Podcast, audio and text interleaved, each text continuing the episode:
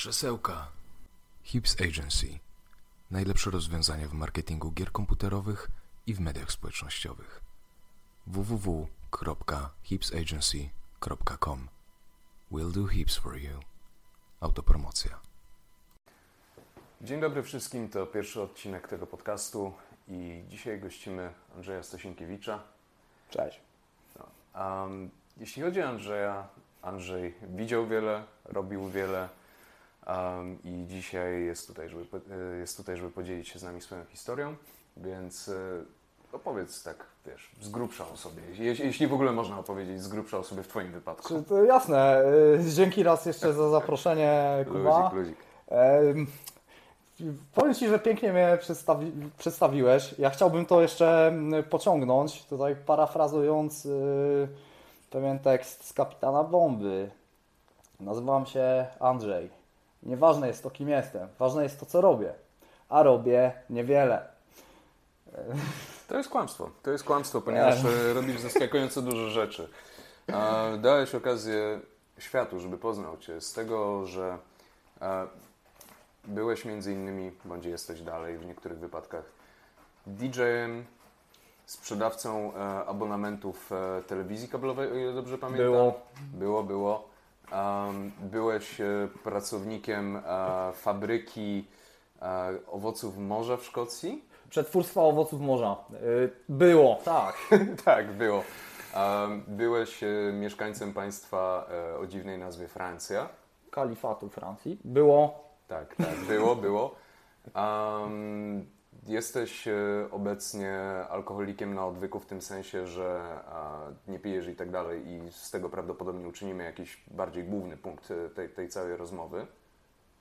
Jest o czym, wydaje mi się, yy, tak. Mhm. Jest o czym po, pogadać. I jesteś też właśnie człowiekiem, który zawsze, no bo, no bo też tutaj taka mała uwaga, znamy się z Andrzejem z 10 lat czy coś w tym stylu.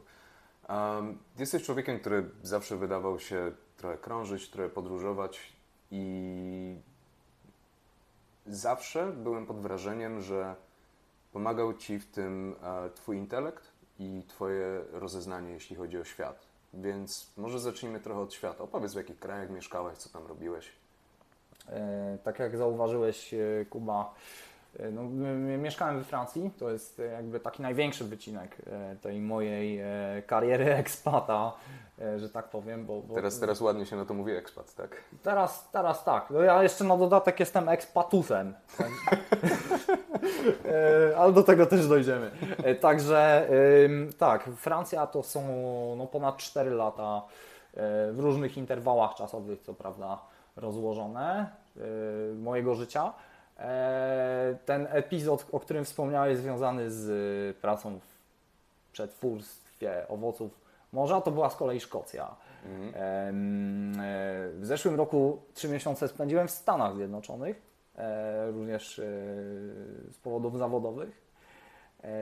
I, I troszeczkę jeszcze było jakby w Anglii, krótszy epizod, e, trochę, trochę w, Niemie, w Niemczech. To są rzeczy, które sobie teraz jestem w stanie przypomnieć, prawda? Tak z ręką na sercu chyba niczego nie pominąłem, jeśli chodzi o, o to takie moje e, zagraniczne e, życie. I, Mhm. I, i, I też chyba do pewnego stopnia jesteś powiązany e, z Ukrainą, z tą bardziej zachodnią częścią, nie? jeśli chodzi o koligację rodzinną. Tak, zgadza się, e, ponieważ tutaj historia mojej rodziny mm, się tak napisała, że e, cała rodzina od strony mojej mamy jest z Lwowa i część e, mojej rodziny, czyli kochana babcia Ewa i wujek Witek, których serdecznie pozdrawiam, e, tam zostali.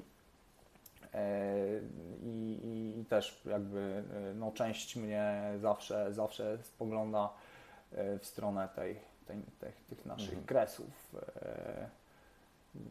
I e, no też rodzina od strony taty jest jakby z kresów, czyli jakby Mhm. etnicznie, etnicznie, no to jest dosyć chyba typowe dla Dolnego Śląska, bo się też wywodzę, podobnie Mhm. jak ty z Dolnego Śląska, że w wyniku e, zawirowań e, geopolitycznych po II wojnie światowej, no tam migracja mas nastąpiła i Mhm. efektem tego jest to, że siedzimy i no tutaj rozmawiam z Tobą, Prawda, prawda, chociaż z czego jestem wielce zadowolony. Mhm. Nie, to, to akurat moja rodzina nie jest aż tak, aż tak bardzo e, ze wschodu, od strony taty z Małopolską byliśmy związani, od strony mamy trochę Wałbrzych, trochę Świętokrzyskie, ale już mniejsza o to. Um, I ten. I właśnie też pamiętam, że jakiś czas temu udałeś się na Ukrainę, nie? E, tak, e, byłem na Ukrainie w listopadzie zeszłego roku, e, ponieważ no, mogłem sobie na to pozwolić, przynajmniej tak myślałem. No, jestem cały i zdrów, nic mi się tam nie stało. No, miało o decyzję, o, dec- o podjęciu decyzji no, zadecydowały takie fakty, że to jednak jest zachód Ukrainy, tak, czyli jakby troszeczkę inna projekcja bo do Lwowa pojechałeś. Tak, tak, tak, stricte, stricte do Lwowa. Ja się poza też obwód lwowski jakby nie ruszałem, prawda? No to jest jedna rzecz. Druga rzecz była taka, że wtedy akurat te siły e, rosyjskie były związane w, e, na Chersonszczyźnie w tamtym czasie, bo Ukraińcy zresztą e, tego samego dnia, kiedy ja przyjechałem do, do Lwowa, to właśnie chyba ogłosili wtedy odbicie Hersonia, prawda? Czyli, czyli to było wielkie święto, no ale też różne znaki na niebie i przede wszystkim na niebie mówiły mi, że to jest ok, takie okno, nie będzie strzelania i, i, i, i będę mógł w stanie tam pojechać. I, mhm. I jakie właśnie odniosłeś wrażenie um, z tej podróży za granicę do kraju, w którym jest wojna, ale w miejscu, w którym tej wojny de facto no, jest mało albo w ogóle? Mhm. Mm, wiesz co, to wisi w powietrzu mimo wszystko, bo to to czujesz w powietrzu, nie musisz oglądać telewizji, nie musisz czytać gazet.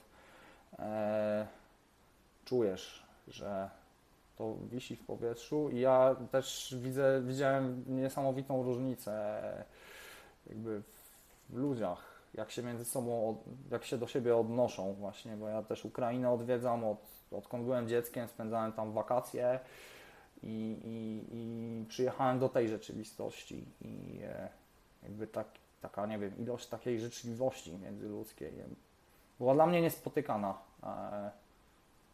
W żadnym miejscu, na, w którym byłem do tej pory, nie widziałem, żeby ludzie jednak e, tak. E, Jakoś starali się wspierać nawzajem bardzo. I, i mieli takie przeczucie, jesteśmy w tym razem? Dokładnie tak. W każdej, w każdej, w każdej małej rzeczy.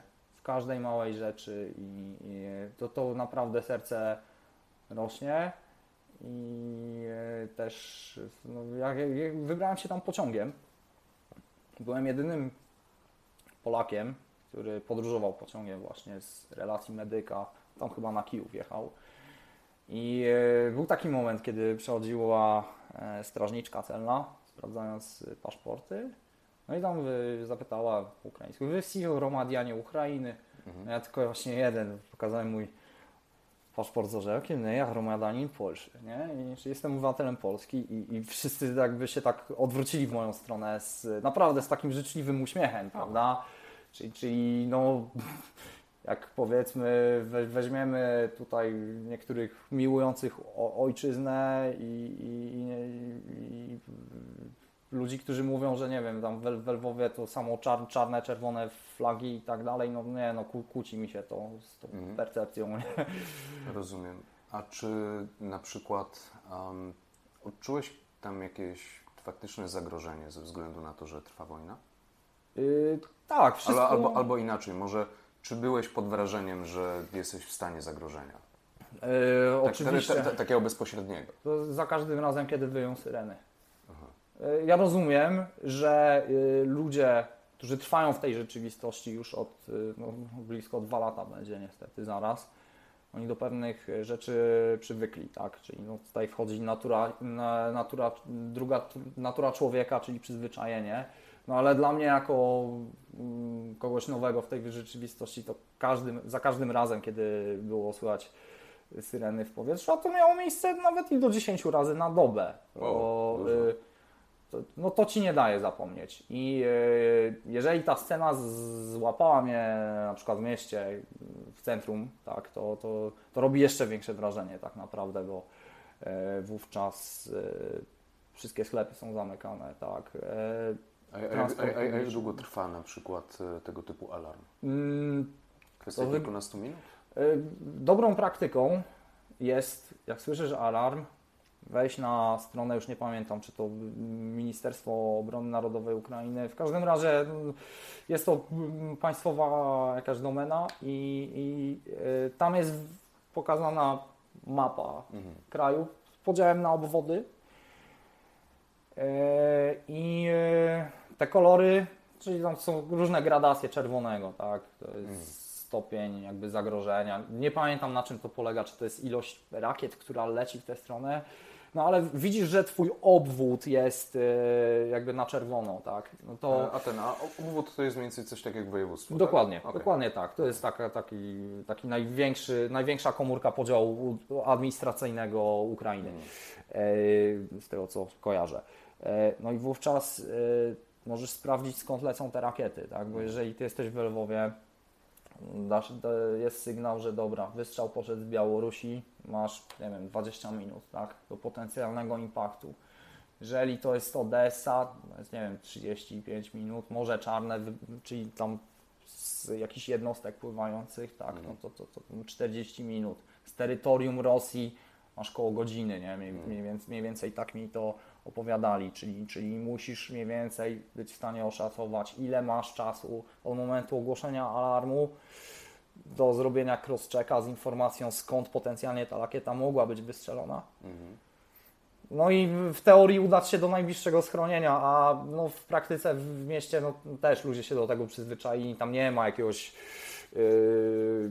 Zaawansowanego systemu obrony przeciwrakietowej nie ma bunkrów, nie ma bunkrów, po, po prostu tam ludzie, ludzie, ludzi instruuje się, aby udali się do piwnic, prawda, czyli do, to są te bloki z białej cegły, cegły wielokondygnacyjne, no i ogólnie masz wziąć ze sobą na tyle zapasu wody i jedzenia po prostu, żeby tam przetrwać powiedzmy trzy doby, Mhm.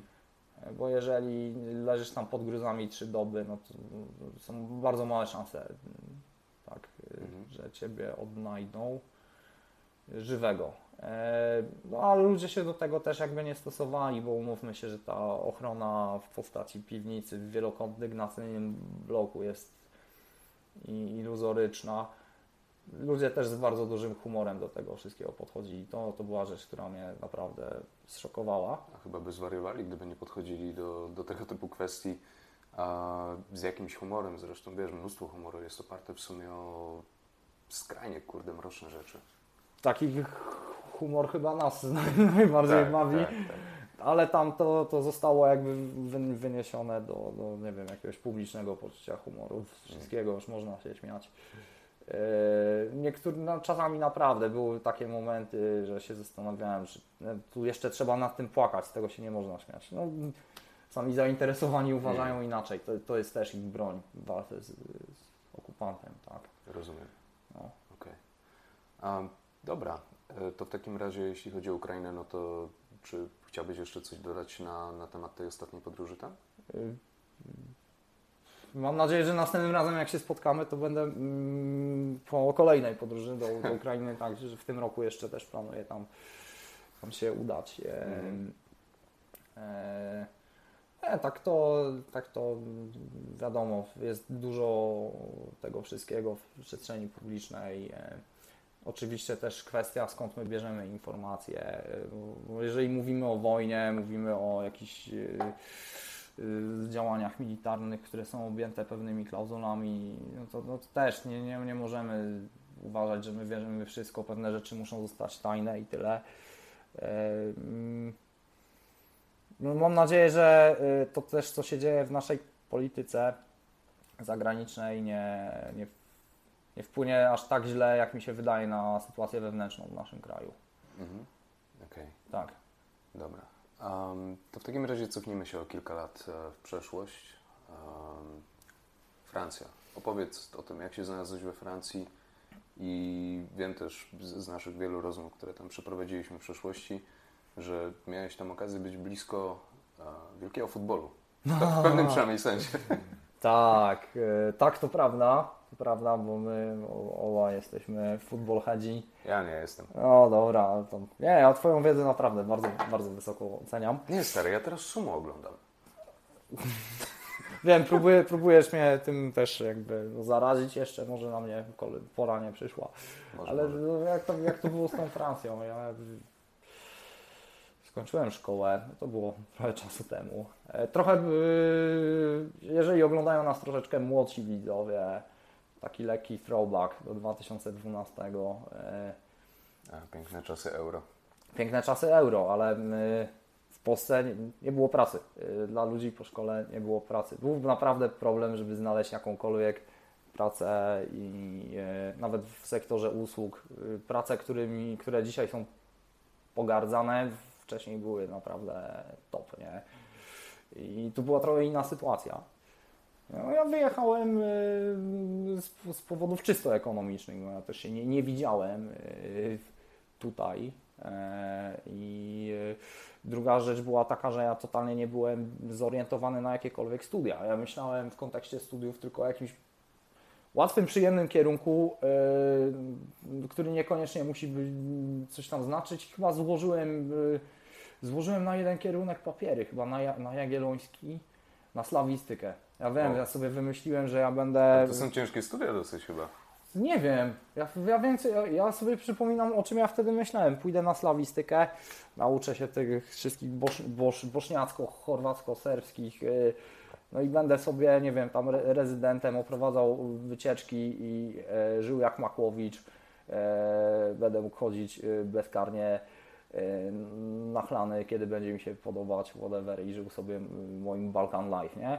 E, to, to były jedyne studia, jakie brałem wtedy pod uwagę, na szczęście na nie nie poszedłem. No i wylądowałem na budowie we Francji, nie?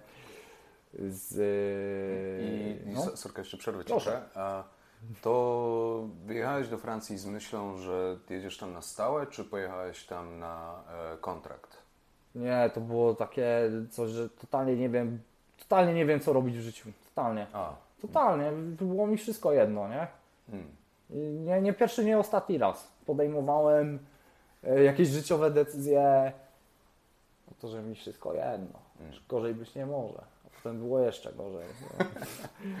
Tak, to, to, to było takie typowo why not. Nie? I Mhm. I wylądowałeś na budowie we Francji. W której części Francji to było? północny wschód, e, departament Noch, numerek 59, e, blisko granicy z Belgią, co ma swoje plusy, bo tam są tańsze fajki i benzyna.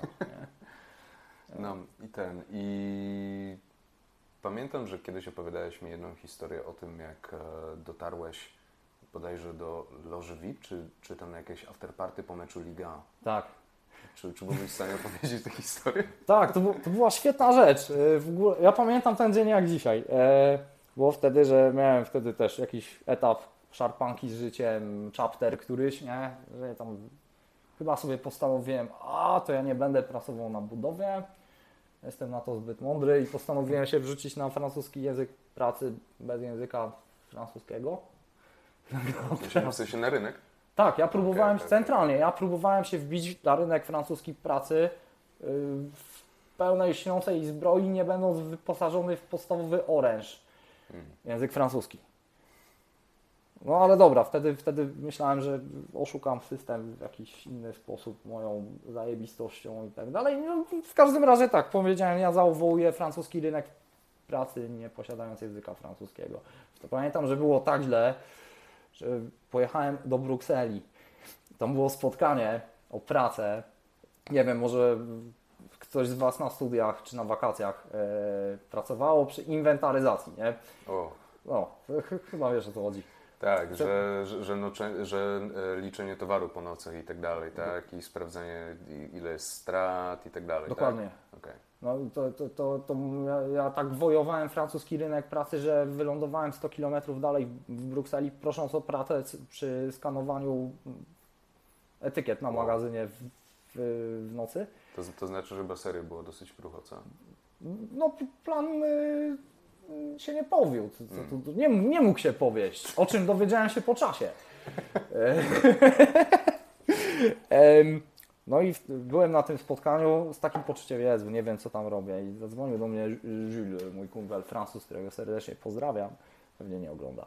E, Stałem, że... Ty co robisz? No, ty w Brukseli jestem, nie wiem co robię. Wsiadaj w pociąg najbliższy, yy, bo mam wejściówki na VIP, na Ligę. To był chyba wtedy mecz z Girondin Bordeaux. Chyba tak. No i Ale, rzeczywiście, ale, ale jaka tak? była druga drużyna? Girondin Bordeaux, A pierwsza? Lille SC. Okej, czyli Lille i Bordeaux. Tak jest.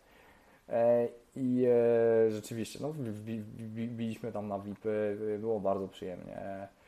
E, alkohol prima sorta, ludzie też jakby prima sorta. Myślę sobie, no chwilę temu chciałem kasować y, kody kreskowe w jakimś magazynie, a teraz y, gadam z gościem, który pół roku temu wygrał Ligę Mistrzów, no, Salomon Kalu, nie? Akurat wtedy miał tak, że z Chelsea do Lille przeszedł za darmo, jako wolny agent. E, No i nie było, było bardzo przyjemnie. Właśnie ja pamiętam z Salomonem Kalu, to, to straszna gafa była, ja wtedy byłem e, chyba zachwycony tymi, tym asortymentem na barze i Mm. tak sobie siupałem tam 12-letniego czy 16-letniego nawet Chivasa, nie? No, no, no to, to, to już właśnie pod wpływem Chivasa podszedłem do Salomona Kalu i zapytałem pytanie o Bonaventur, był taki piłkarz Mhm. też. No, no, rodzina, ja myślałem, że myślałem, że to brat, nie? A to się okazało, że kuzyn i wyszło A. takie fo- fopa lekkie, nie? E, No ale było śmiesznie, było bardzo śmiesznie i gdzieś tam te przecięcia z zawodnikami tego klubu, no też na mieście powiedzmy e, się zdarzały, bo gdzieś tam w okolicy też e, piłkarze mieszkali. E, Bardzo też przyjemne doświadczenie. Tam, tam chyba Irek Jeleń grał, nie? Zgadza się, W tym czasie? zgadza się. Czy zbiłeś pionę z Irkiem Jeleniem? Zbiłem piątkę z Irenkiem Jeleniem, nawet piwo wypiliśmy powiem więcej, tak. Gdzie on potem wylądował? W Podbeskidzie chyba, nie? Tak, to był jego ostatni klub za granicą. Nie wylądował od razu, bo on y, najpierw trafił do, do, do, do, do Pewnie do jakiejś Legii czy coś. poza Piasta Gliwice. A, wydaje. Ale pewny nie, nie, nie jestem. Później wiadomo, ta kariera się już rozmi- rozmieniała na drobne. No. No i tam powiedzmy, że starałeś się jakoś działać w tej Francji, ale generalnie mimo tego, że posiedziałeś tam kilka lat, to wróciłeś potem do kraju, tak? Tak, zgadza się. I dlaczego postanowiłeś wrócić? Y, To była kolejna rzecz, jakby wiesz, bez, bez planu. Y, y, Wtedy pamiętam, tak, już wtedy z budowy nauczyłem się też tego francuskiego po drodze, nie? Na, na tyle, żeby dostać moją pierwszą pracę w korpo. Mhm. I co to była za, za robota? Oczywiście, wiesz, bez dawania nas firm i tak dalej. Jasne, w to się nie jasne. bawimy. Nie, to byłem, e, tak, to jeszcze, żeby na- nadmienić, yy, byłem eksploatantem floty yy, ciężarówek do 4 40 ton, tak, miałem, miałem- na, nasza firma współpracowała z przewoźnikami, głównie z Polski, Biało, z Białorusi i Litwy, no, taki dumping usługowy, to było zanim weszło to prawo Macrona, kiedyś Macron był ministrem gospodarki Francji i on wprowadził prawo o pracy minimalnej, nie? i się skończyło Eldorado, wtedy się też moje Eldorado skończyło, prawda, bo nie miałem a, jakby kogo prowadzić i A tak, a tak w, Tak. Jednym, w jednym zdaniu, na czym polega to prawo? Y, To było prawo zakładające y, obowiązek y, płacy minim, no, płacenia płacy minimalnej kierowcy, który jest delegowany do pracy na terenie innego kraju Mhm. Unii Eu- Europejskiej. W dużym skrócie, co miało właśnie wpłynąć na, na po prostu zlikwidowanie zja- zjawiska dumpingu, no między innymi w branży transportowej, tak? Mhm, I, okej. i, I bliźniacze prawo wprowadzili Niemcy, to się Milok nazywało bodajże, że tam to, wtedy to było 8 euro na godzinę, Mm. e, czyli teraz to jest jakaś tam stawka w Polsce w miarę, tak? A wtedy to był kosmos dla polskich firm, Mm. prawda? I, no i zmiotło z planszy, mnie też. Okej. Czyli wróciłeś do Polski, y, zacząłeś ogarniać y, spedycję am, i jak dalej się to wszystko potoczyło? Wróciłem do Polski i sobie pomyślałem, dobra, co byś chciał w życiu robić teraz? No, byłeś na budowie, pracowałeś w korpo, ale ej, ja sobie przypomniałem, ej, ja zawsze chciałem być stewardem, chciałem latać samolotami. Myślałem sobie, dobra, to jest, to jest idealny moment na to, żeby zostać stewardem. O, zwłaszcza, że ty masz warunki fizyczne na stewarda, znasz kilka języków i tak dalej, bo, bo właśnie stewardzi chyba muszą mieć co najmniej określony wzrost, nie? I chyba jakiś tam standard. Wiesz co, od tego się odchodzi już coraz bardziej, okej. Y, bo jakby tutaj też w politykach firm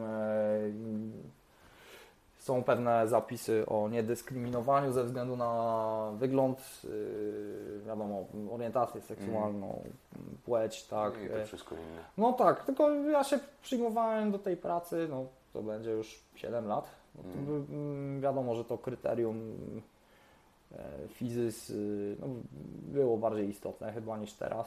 Nie wiem, szczerze nie, nie śledzę już tych trendów.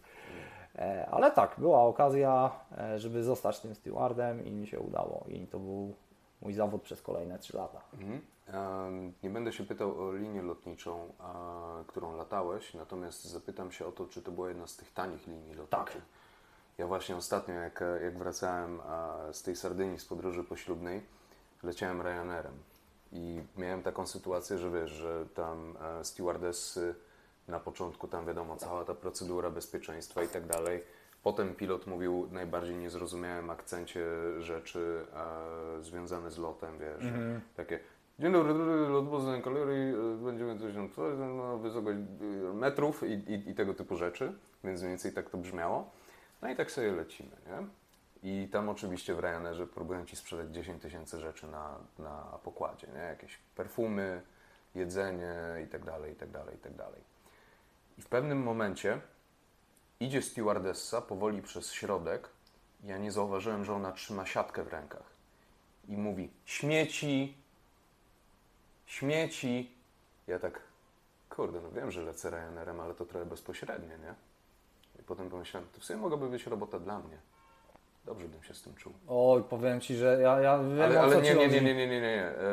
Ja nie zauważyłem, że ona ma tę reklamówkę w rękach i po prostu myślałem, że informowała pasażerów Ryanaira w tym Kim mnie, są. kim są. Dokładnie. I ja sobie tak pomyślałem, ja byłem w stanie to wkładać trzy razy więcej Ej, sensu. ale, ale wiesz co, Kuba to jest dobry, dobry trade, bo powiem Ci, że gdyby się po- popracował trochę na pokładzie, nie, i na takiej, wiesz, pełnej intensywności, mając w grafiku 50 lotów, to, y, to wydaje mi się, że u każdego człowieka e, te ekspozycja na te warunki długotrwała ujawnia socjopatę. Mm. I tak, tak, to, to mm, jakby to. Więc, więc, więc mówisz, że to mogła być jej kolejna złotą rundę po samolocie, tak? Wiesz, to jest stały fragment gry. Zebranie śmieci należy jakby do elementów choreografii lotu. I oczywiście, powiedzmy w jakichś tam manualach jest określone słownictwo, którego należy używać. Być może dlatego, żeby nie wzbudzało takich konotacji, o których Ty wspomniałeś. Nie? Ja osobiście, jak już przychodziło do tej roboty, ja starałem się mówić garbage, leftovers, wiesz, po angielsku, że tak neutralnie, co z tego, że samolot tam pełen Polaków do, do Anglii lecimy. No to, to, to raczej tak, bo to wiesz, tak rzeczywiście śmieci, yy, mm, nie wiem, no miałem, miałem problem z użyciem tego słowa w tak yy, transparentny sposób, jak ta pani stewardessa, Może, nie? może, może ona e, miała dłuższy staż, albo, albo może nie chciała mówić odpady po prostu. Bo, bo, bo w sumie odpady też mogą się kojarzyć fizjologicznie. Tak, ja, ja czasami jak już miałem fazę na taki trolling, to yy, ja pytałem pasażerów, yy, czy mogę utylizować te utensylia do kawy na przykład. Pani ma serwetkę i mieszadełko. I 60% ludzi pewnie tak. Co? Co zutylizować? Czy, czy, czy jak? Nie zastanawiałem się nad tym przez ani sekundę. Ale czy oni się zastanawiali?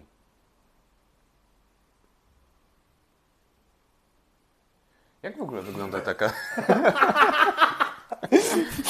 jak, e, jak w ogóle wygląda tego typu e, robota? Bo wiadomo, że e, najpierw trzeba pewnie wytłumaczyć ludziom, że e, jak lecisz pieprzonym Boeingiem 737, że kamizelki ratunkowe są nad głową, maski też i tak dalej, że masz zapiąć pasy, gdy świeci się e, guziczek, e, znaczy się ta, ta lampka mała i tak dalej, e, tego typu bzdety i tak dalej, ale, ale na pewno jest więcej pod powierzchnią niż, niż to. I, Oczywiście. I jakie w ogóle zadanie ma steward? Czy przede wszystkim e, e, główną misją to jest zapewnienie bezpieczeństwa lotu. Mhm. I tutaj co do tego to nie, nie ma prawd y, świętszych e, przed tą prawdą, czyli jakby mm, jakiś kompromis na, nie wiem, komforcie. Jeżeli ma się odbyć y, na rzecz bezpieczeństwa, on się odbędzie, bezwzględnie. E, czyli naprawdę mamy sytuację. Prze- Przepraszam cię, ale kot postanowił zacząć szaleć, więc ja go pochwycę. Chodź tu mały dziadu. Chodź tu dziadu. Czyli tak, to jest e, praca, praca personelu pokładowego. To, no, to może ludzie widzą, ludzie widzą może 30% tego, co my robimy. E, no, mm, czego, czego się zaczyna, tak, po wejściu na maszynę, czy niezależnie od tego, czy, czy, czy to jest pierwszy lot danego dnia, komercyjny, czy, czy się zmieniamy z inną załogą, e, trzeba dokonać weryfikacji, e, czy, czy, nie, nie są, czy nic nie jest na pokładzie, co nie powinno się tam znaleźć, nie daj Boże coś niebez, niebezpiecznego, tak, my mamy powiedzmy, jesteśmy uczeni, gdzie są wszystkie zakamarki kabiny pasażerskiej, nic się nie ukryje naszej uwadze, nie ma takiego miejsca, o którym my nie wiemy, albo nie mamy do niego dostępu, po prostu nie ma. Musimy te wszystkie miejsca sprawdzić, zanim w ogóle maszyna się poderwie do góry. I to jest, e, to jest pierwsza rzecz. Druga rzecz to jest sprawdzenie stanu i liczebności e, sprzętu ewakuacyjnego lub sprzętu ratującego życie, tak? E, Czyli no, tego, tego jest też trochę, tego, to jest do sprawdzenia. No i tak naprawdę mm, potem możemy mówić o, tym, co ludzie widzą, tak? Czyli jak już pasażerowie wejdą na pokład, y, oczywiście to, co się rzu- rzuca w oczy, czyli demo, tak, y, Mm. różne tam announcementy, serwis. Nie? A, dalej jeszcze pamiętasz tę makarenę, którą tam trzeba Tak. wykonywać i tak Wydaje dalej? mi się, że wiesz co, jakbym już nie latam, 4 lata zaraz będą, Mm. jakbym sobie tylko odświeżył szybko, powiedzmy, y, zasady gry, e, one się aktualizują też bardzo Mm. często, to, to trzeba brać pod uwagę, to, to myślę, że dałbym radę y, podczas lotu z załogą. Y, A co na przykład, jak już powiedzmy ludzie wyjdą z tego samolotu, nie? Jak, jak już sobie wyląduje, jest wszystko spoko. Mhm. A, nigdy w sumie nie zwróciłem uwagi na to, co się dzieje z samolotem po, później, ale na przykład zauważyłem, że w wypadku Ryanaira e, samo wejście do samolotu e, było tak jakby zasłonięte taśmą. I chcę się zapytać, czy to jest standardowa procedura i co się potem dzieje poza oczywiście wysprzątaniem kabiny. No oczywiście, to tak jak słusznie zauważyłeś, to ta taśma jest zasuwana na drzwiach w momencie, kiedy wszyscy pasażerowie opuszczą pokład. E, tak naprawdę wszyscy pracownicy obsługi naziemnej, e, również ich nie ma na pokładzie, jest tylko załoga. I załoga pokładowa dzieląca się na sekcje, jakby sprząta samolot, znaczy sprząta to, to jest pewne nadużycie, tylko Ogarnia trochę. ogarnia trochę, bo wiadomo, jeżeli zdarzy się jakiś wypadek e, w postaci po prostu no, iniekcji płynów ustrojowych Buzią. buzią albo innym otworem, e, no to wtedy nie ma rady, trzeba Mm. wezwać e, profesjonalistów, O, którzy okej. są zawsze, tak, tak. Czyli, czyli jeśli ktoś na przykład em, zje tę limitowaną kanapkę z pewnej sieci i okaże się, że kurczak teriyaki był, był jego nemezis podczas tego lotu, to, to wy potem się tym nie zajmujecie. Tym, tym zajmują się osobni wyzwani specjaliści, tak? Raczej, raczej tak, nie, Okej. nie, nie przypominam sobie, żebym był zmuszony Okej. osobiście interweniować w tej kwestii. Mhm. Yy, No i ta taśma jest powiedzmy zdejmowana, czyli to jest jakby sygnał ok, jesteśmy gotowi. No ale tu nie wchodzą pasażerowie, jest osoba z personelu naziemnego, która jest jakby takim łącznikiem między e, flight crew Mhm. i e, jakby gospodarzem w postaci lotniska. Tak, Ta tak, osoba to jest taki- handling agent. Taki, taki posłaniec jakby. Można tak powiedzieć, to jest osoba, która... z którą Posłaniec, się- audytor, weryfikator. Tak, ale to jest bardzo odpowiedzialna Okej. rola, bo ta osoba odpowiada tak naprawdę za też wyważenie samolotu. A, Tak. czyli za kwestie mechaniczne też. Y, No w jakiś sposób tak, bo to i liczba paliwa, liczba pasażerów, prawda, to, to ta osoba jakby też jest jednym z jakby takich sit filtrów, prawda, że jeżeli samolot jest przeciążony, tak, to jest pierwsza osoba, która to może zgłosić po załodze y, in-flight, tak. No, to jest wa- ważna rola, niedoceniana, wydaje mi się, w tym całym mechanizmie. No, ale to jest osoba, która jakby jest interfejsem my lotnisko Mhm. i jeżeli wszystko jest ok po naszej stronie, jesteśmy gotowi, to handling agent to potwierdza. Zapraszamy na pokład. I potem w koło Macieju. Tak, y, dziennie najczęściej cztery starty lądowania, czyli można tak polecieć do Wrocław, Luton, wrócić z Luton do Wrocławia, polecieć sobie do Eindhoven na przykład, albo do Norwegii, czy jakiś krótszy lot. Tak w 10,5 godziny naprawdę można na tych, z tych kilometrów. No. Mhm. Dobra, więc e, jako, że powiedzmy pracowałeś na tych liniach lotniczych, to pewnie miałeś okazję latać kilkoma przynajmniej rodzajami samolotu, nie? Mm, Jako, ja, jako y, aktywny członek załogi miałem, z, mam zrobione, te papiery są dalej ważne, to jest tak zwany Aircraft Type Qualification i e, ja akurat mam zrobione papiery na e, Airbus, e, całą rodzinę 320, czyli ja latałem tutaj samolotami Airbus z rodziny A320 w konfiguracji bodajże 185, 180 miejsc, już nie przypomnę sobie. No i większy jego kuzyn z Airbus 221 czy 230, nie przypomnę Coś sobie teraz. stylu. Tak, tak, i to jest wię- większa konfiguracja, czyli ja tak jakby się poruszałem e, w ramach jednej rodziny, prawda, gdzie, gdzie ten layout e, i, e, i sprzęt ewakuacyjny wygląda, wygląda podobnie, tak, Czyli- tak samo. Czyli na przykład e, załóżmy, że gdyby była osoba, która pracuje e, tylko na Airbusach, to znaczy, że nie miałaby uprawnień, żeby e, latać na Boeingach? Oczywiście i to tym bardziej to samo dotyczy pilotów liniowych, tak. A, okej. Okej. Że, że, że, że powiedzmy jest y, jeden producent danego sprzętu, jest to sprzęt drogi, tak, i sprzęt wysoce skomplikowany, jeśli chodzi o działanie i trzeba, trzeba umieć go obsługiwać. Mhm. E, I no takie jakby szkolenia i też egzaminy to są jakby drogie, można je zrobić komercyjnie na zewnątrz, ale wiadomo, jeżeli to się robi w ramach jakiejś organizacji, to, to, to, no to inaczej wygląda, ale tak, to jakby no, ci, którzy się szkolą na pilotów, szkolili lub zna- znają kogoś, kto, yy, kto podąża tą ścieżką, to wie, wie, wie, wiedzą, jak, jakie to są koszta w lotnictwie, tak. Mhm.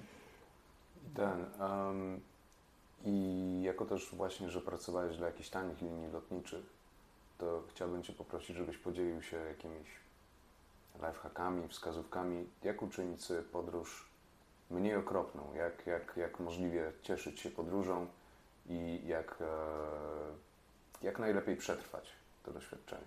Mm, Doświadczenie się już zaczyna w domu, kiedy, nie wiem, nawet pakujemy się, timing, nie róbmy rzeczy na ostatnią chwilę, tak, to jest, to jest, to jest pierwsza rzecz, bo na lotnisku wiele rzeczy, są skomplikowane procesy, w których uczestniczą, yy, uczestniczy wielu ludzi, yy, jest bardzo dużo zmiennych, takich jak pogoda lub inne okoliczności, yy, które mogą wpłynąć na to, że no, lot e, nie, nie toczy się tak jak powinien, timing po prostu, albo nie, nie, nie, nie odlatujemy o czasie, bo warunki pogodowe.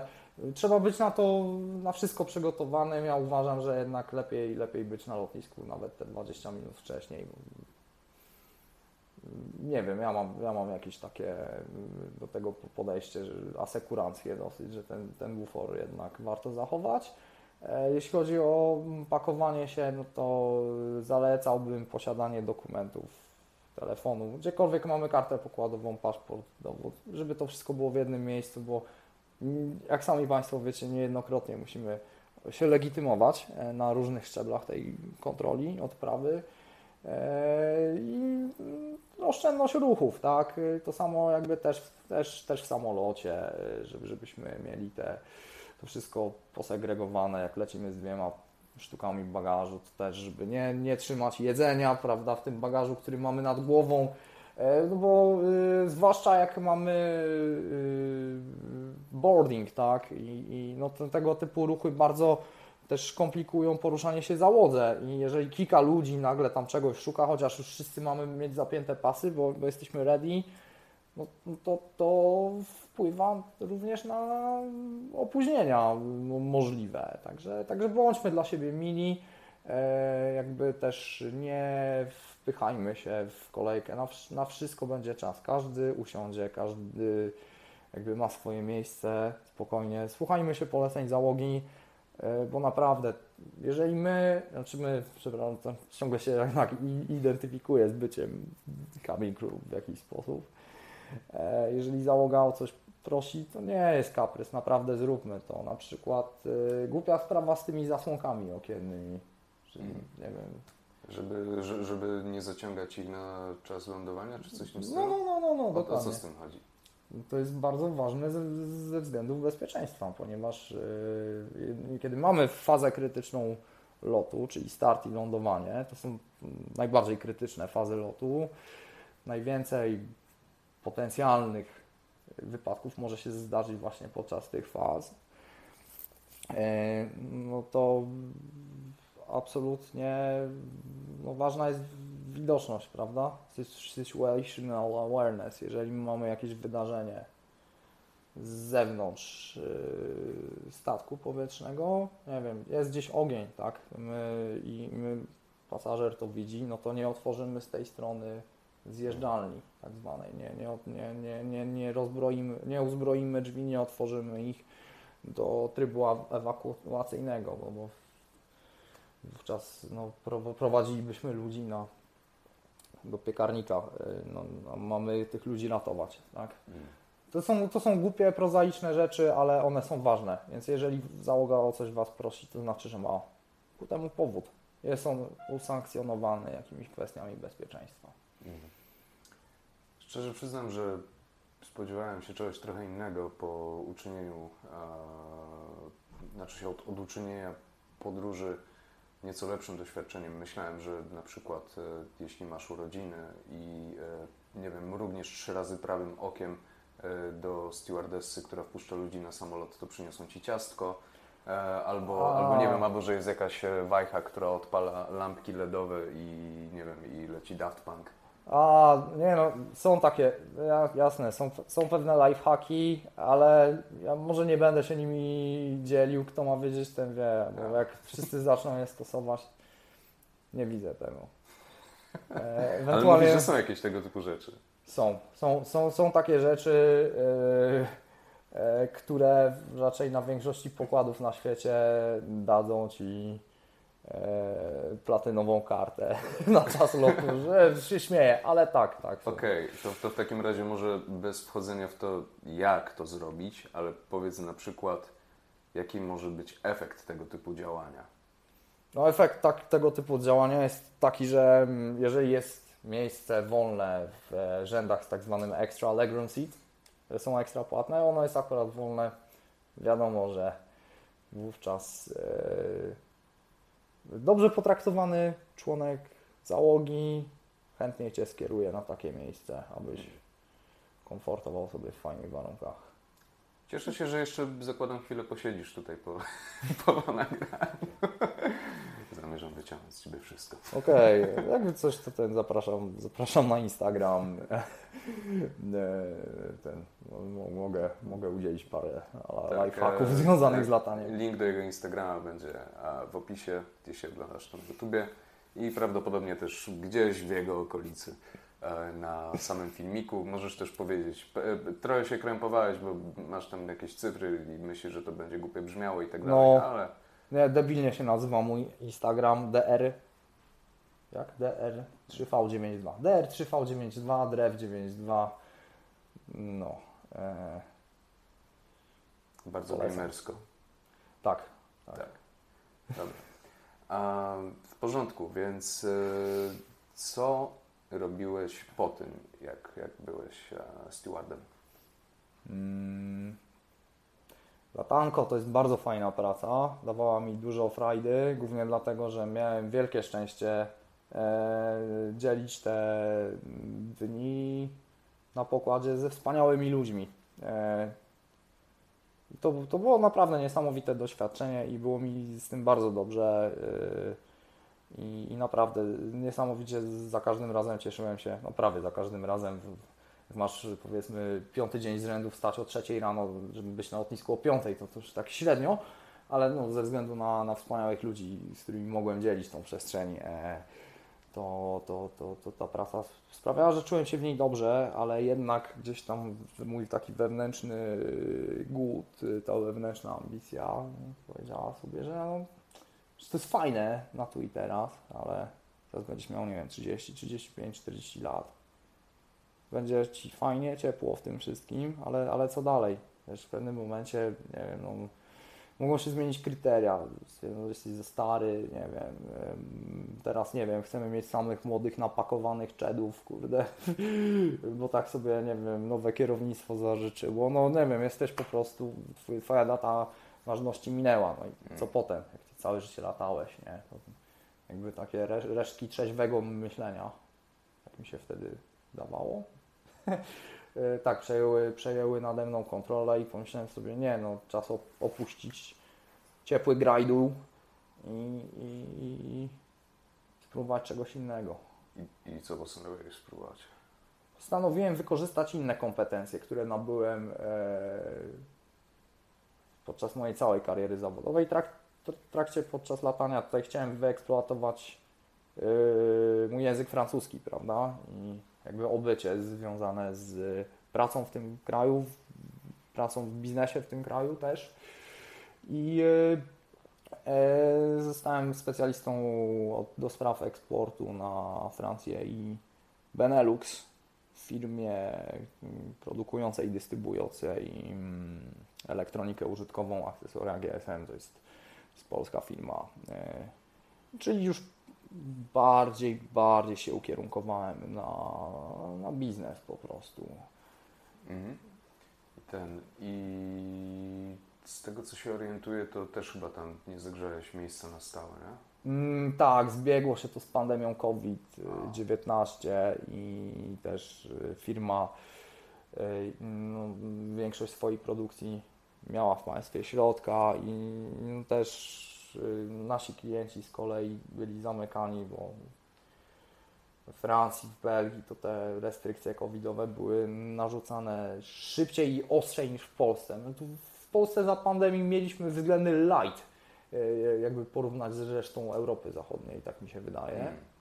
No ale ogólnie biznes mm, padł, tak? I no to też jakby się związało z moją obniżką zarobków, bo one były też jakby uzależnione od y, od, e, obrotu, mhm. który generowałem moimi poczynianiami.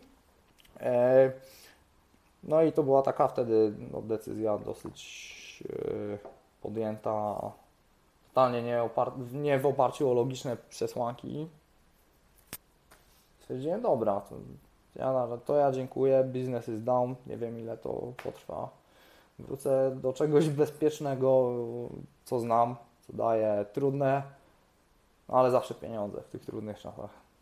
Wróciłem na budowę. I jakie to było uczucie wrócić z tym całym doświadczeniem, jak latałeś samolotem i tak dalej, i tak dalej, i tak dalej na wiesz budowę? co, nie, ja nie byłem w ogóle na poziomie, dalej nie jestem poczucia, że wiesz, ja jestem kimś czy coś, ja wiesz, zawsze byłem, wiesz, moi rodzice to są ludzie, mm, którzy, którzy pracowali ciężko, żeby wychować mnie i moje rodzeństwo, ja byłem też wychowany w klimacie bezwzględnego szacunku do każdego człowieka, każdej pracy, jaką wykonywał. I to akurat dzięki, dzięki mojej mamie, mojemu tacie, nie, nieważne kim jesteś, właśnie szacunek jest kwestią yy, bezwzględną, tak? Yy, I pewnego dnia, wiesz, jesteś na topie, drugiego dnia jesteś na dnie. Ważne, żeby w tym wszystkim być tym samym człowiekiem. Tak zostałem wychowany. Za co jestem wdzięczny, jeszcze raz to powtórzę. Także nie, ja nie miałem takiego poczucia. Było, było raczej coś w stylu, ok, no stało się, mm, nikt się tego nie spodziewał. E, moja sytuacja i tak jest świetna, bo ja mam wybór. E, ja nie mam, że tak powiem, biznesu, który padł totalnie nie z mojej przyczyny, bo nie mogłem wykonywać mojej działalności tak jak miało tysiące przedsiębiorców w Polsce i no, miliony w skali całego świata. Ja nie mam obciążeń pod tytułem kredyty, nie mam dzieci na utrzymaniu, tak, jestem singlem, No, a nawet jakbym nie był, a miałbym dzieci, czyli musiałbym płacić alimenty. Nie, nie, nie, mam, nie miałem takiego zobowiązania, także po prostu stało się, nie? I, yy, i wiesz, musisz, musisz działać, musisz sobie, musisz sobie radzić. Yy, tyle, nie? Mhm. Spędziłem jakieś kolejne, kolejny rok na budowie w Niemczech, we Francji. Świetnie się bawiłem. Świetnie się bawiłem, naprawdę. Yy, no wiadomo, już po pewnym czasie miałem tego totalnie dość i wróciłem jakby do reaktywowania mojej kariery, ale yy, yy, to też jakiś czas próby, nie? Że, Mhm. że jeszcze raz życie daje Ci wyzwanie, nie? Że, że taki kozak jesteś, spróbuj. Wszystkich nas to doświadczyło. Wszystkich. I e, naprawdę mm, nie mogę sobie wyobrazić potężnego bólu y, ludzi, którzy stracili swoich bliskich tak z dnia na dzień. Mm, Ja mam takie szczęście, że mnie to bezpośrednio nie spotkało, ale wśród przyjaciół, ludzi mi bliskich, mm, no, ludzie odchodzili. Był czas próby dla, dla nas wszystkich. Ona trwa, Mm. uważam. No. No. I teraz jesteś kimś w stylu powiedzmy wewnętrznego windykatora dla jakiejś wielkiej firmy z jakiejś Arabii Saudyjskiej czy coś w tym stylu. nie? Wiesz co to jest. Może nie w tę stronę, bo e, akurat e, firma, no mamy, znaczy firma ma oddział na, Mhm. na Bliskim Wschodzie jak najbardziej i tak w tym momencie e, zajmuje się należnościami. Okej, to zostajemy może po prostu przy tym, bo nie chcemy chyba wchodzić zbyt głęboko w tematy obecnego zatrudnienia i tak dalej. Mam, mam, takie wrażenie chyba, co? E, Tak, to możemy, nie musimy w to wchodzić, bo to nie jest ciekawe zwyczajnie. Ja No. też nie mam, nie mam specjalnie nic do ukrycia. To, to czym się zajmuję jest w pełni legalne. A, ale ten, e, bardziej chodzi mi o to, pamiętam e, jak właśnie jechaliśmy na, na ten wieczór kawalerski naszego Tak. wspólnego przyjaciela do Pragi i przyszedłem e, wtedy, wtedy do, do tego innego znajomego, u którego byłeś i co mieliśmy jechać w trójkę. E, I siedziałeś i pracowałeś i potem włączyłeś futbol menadżera i to cholerstwo wyglądało prawie tak samo. No, Czyli tabelki, tabelki, tabelki i dane, i dane. i No, dane, no, no, to jest y, w ogóle kim bym był, gdyby nie ta gra pieprzona. Ale to, to A, tak. a Manager w sumie stanowi chyba dużą część Twojego życia na dobrą Nie sprawę. no, kiedyś, kiedyś, wiesz co, bo to, to, to, to akurat y, no, w obliczu tego, czym, czym się teraz w życiu zajmuję, y, to jest lepsze niż gra, co tu dużo mówić, nie? Jestem chyba za bardzo zajarany y, tym, co się dzieje w moim życiu i No ale grałem, grałem choćby w tego football managera nałogowo, niezdrowo, prawdopodobnie dlatego, że nie, nie było się czym jarać w moim życiu. No, proste, tak? Jeżeli twoje, twoje życie jest lepsze niż gra komputerowa, po co ci gra, nie? No. Ten, um, a jeśli właśnie chodzi o rzeczy, którymi się jarałeś w życiu, bądź dalej się jarasz, um, jesteś też DJ-em, tak? Tak. Ale, ale co dokładnie tutaj rozumiemy przez DJ-a? Robisz swoje kawałki, grasz sety? Mm, Gram, gram sety, bo gdybym robił swoje kawałki, byłbym producentem i DJ. Do tego dążę oczywiście, Mm. do tego dążę i e, no to jest e, jakby kompetencja, e, w której, mm, w której cały, cały czas działam i, i traktuję to stricte hobbystycznie. Nie mam jakby orientu na, na zarabianie. To jest po prostu bardzo ważna rzecz w moim życiu, e, która daje mi e, wartość, e, uskrzydla mnie i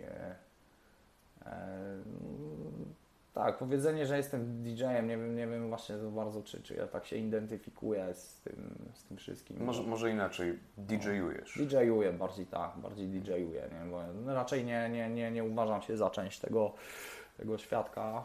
e, Z pewnych względów powiedzmy, można je potem tro, trochę omówić, Mm. nie? ale tak, samo, samo, samo, sam ten moment wyjścia, wyjścia za deki e, i zamienienia tej wspólnej chwili z ludźmi, z którymi, z którymi dzielę to pomieszczenie, zrobienia z tego czegoś supery, to Bo, bo, bo bo też specjalizujesz się w e, muzyce elektronicznej, nie? No, tak, szeroko pojęty termin. dosyć, Tak, no. znaczy wie- zdaję sobie sprawę, że jest to bardzo szeroko pojęty termin, ale z drugiej strony masz DJ-ów weselnych, masz DJ-ów hip-hopowych i tak No, dalej, no, no. Więc, więc e, raczej takie klubowo-festiwalowe rzeczy. Bardziej tak. Mm. Bardziej tak. A jakieś wiem, konkretniejsze gatunki Ci bardziej siedzą niż Trans. inne? Ja się z trensu wywodzę. Trans i techno. Mm. Szukam takiego idealnego połączenia. Idealne połączenie transu i techno? Tak, techno. Techno. Techno. E, mój drogi, e, Alchemist Project 2003 rok, City of Angels. Dobra. Jeden, jeden z najlepszych hardtransowych kawałków, jakie słyszałem w życiu. Okej. Mimo tego, że to cholerny Alchemist Project, które To potem... Dobre po polskie. Człowiek. Ale to było przed tym, zanim, za, zanim e, wybili się na tej fali, e, e, którą rozpoczęli Calvi i Remi. No, no, no. I potem co było? East Side East- Clubbers, tak. Sextasy, Touch były- My Ass. Dokładnie, ale to były bangiery w Europie. O, to, potworne. to, był, to, był, to, to był jedyny moment w historii polskiej muzyki, która znaczyła coś w świecie chyba. E, Nie zgodzę się. Polski, polski black metal jest bardzo... Nie, to wiadomo, sorry, to jest poza wszelkimi kategoriami, Tak, ale tak. Cal, Calvi Remi Explosion chyba w 2006 roku to w Kanadzie był był kawałek Mówisz? numer jeden w O. jakiejś takiej topowej rozgłośni. Tak, ten kawałek zrobił karierę w świecie, nie? Także, nie no, ale tak, Calvi były- dzwoni.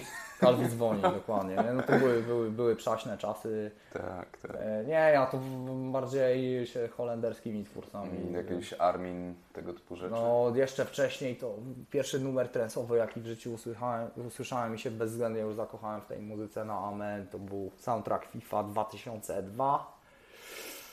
Guriella, czyli Ferry Corsten i Tiesto. Tak, Mhm. Tiesto kiedyś grał trens, dzieci, słuchajcie, nie? E, jeśli wygooglujecie, znajdziecie jego stary, bardzo mało znany kawałek Traffic. Bardzo, bardzo fajna rzecz. Dokładnie, cały, cały stary tieściak. Tak, tak. E, I tak, to był, to, był, to był moment, gdzie ja przepadłem totalnie. Przepadłem w tą muzę. Co, mówisz, że usłyszałeś kawałek w FIFA i Tak. miałeś takie, to jest to? Tak, od razu, klik. Super, świetna sprawa. Bo w sumie mam wrażenie, że jeśli chodzi akurat o holenderskich DJ-ów, um, bardzo łatwo jest znaleźć uh, hardkorowych, hardstyle'owych, gaberowych DJ-ów e, stamtąd. Natomiast mam wrażenie, że znalezienie wyróżniających się transowych e, DJ-ów z Holandii jest większym wyzwaniem. Nie, to jest dalej y, jakby mm, ko kolebka trensu. Nie, Niemcy, Niemcy, Holandia, Wielka Brytania to są najmocniejsze sceny. Tu się nic nie zmienia od wielu lat. E, W Polsce się też dzieje fajnie. E, Naprawdę tutaj chłop- chłopaki ze swoimi produkcjami coraz częściej goszczą w, czy to w audycji State of Trance samego Armina Van Birena, czy też e, zajmują miejsca w line-upach coraz to większych imprez, także, także Polsce też to rośnie i mamy no, też niesamowity fandom, społeczność, prawda, co też y, twórcy, no, którzy przyjeżdżają do nas grać, zawsze mówią, że Polish crowd is the best, nie? E, Także tak, jest, jest tutaj wielki potencjał do zrealizowania, wydaje mi się, też i, i na polskiej scenie. A jeśli chodzi na przykład o polskie składy grające, e, gra- grające szeroko rozumiane techno, trance, house Mhm. E, i też oczywiście pojedyncze osoby, kto Twoim zdaniem e, jest najlepszy, kto ma status najbardziej kultowego i z kim chciałbyś e, w jakiś sposób współpracować? Trzy O, takie. dobre pytanie, wiesz. Bo jeśli chodzi o mm, po, po, polską scenę szeroko pojętej muzyki elektronicznej, no to też i w, jeśli chodzi o techno, VTSS, tak, super utalentowana dziewczyna, no tam robi, robi zamieszanie w świecie, tak. E, e, Mamy też, jeżeli chodzi o powiedzmy wet- weteranów, no, kogoś takiego, kto mi przychodzi pierwszy do głowy, to jest duet Cats and Dogs. E, gdzie oni, e, ja, ja lubię ich taką ekle, ekle, eklektyczność właśnie w podejściu do grania te, te, takiego klubowego. Świetne, świetne mają sety, naprawdę live chłopaki wymiatają, no a robią, robią, te, robią rzeczy, no długo, długo są, długo są, no na pewno ponad 10 lat y, z tego co kojarzę. I e, no, a z kim, z kim chciałbym zrobić track polskiej sceny. Albo, z- albo zagrać seta razem. Zagrać seta back to back. Mhm. Ym, Indecent Noise. Pozdrolek. Um, ja jeśli zajmowałbym się tego typu rzeczami, miałbym jedną odpowiedź na te trzy pytania i byłoby to Kielce Terror Squad. A, całe Kielce jest dla mnie wyjątkowo bliską piosenką. Porządna referencja. Tak, a Buła KTS, tego typu rzeczy. W sumie, w sumie jakby nie było, Kielce są trochę kolebką polskiego gaberu. No, wiesz co, ja nie jestem y, właśnie w gaberze za bardzo. Byłem y, parę razy na tego typu imprezach, typu Xapol. 200 wybuchów na minutę. Jest to. y, Ja uważam, że do Gabera można się bawić na trzeźwo. Można. Ale po co? No, w sumie zależy też jak rozumiemy tego typu trzeźwość, bo wiesz, napić się piwa albo wódki do gabera to jest jedno. No, ale pamiętam jak kiedyś zebrałem niegaberowych ludzi na Wixapol, to nie dość, że siedzieli przestraszeni, to e, podszedł koleś e, do nich e, wystrzelony na czymś. I podszedł i tak, cześć.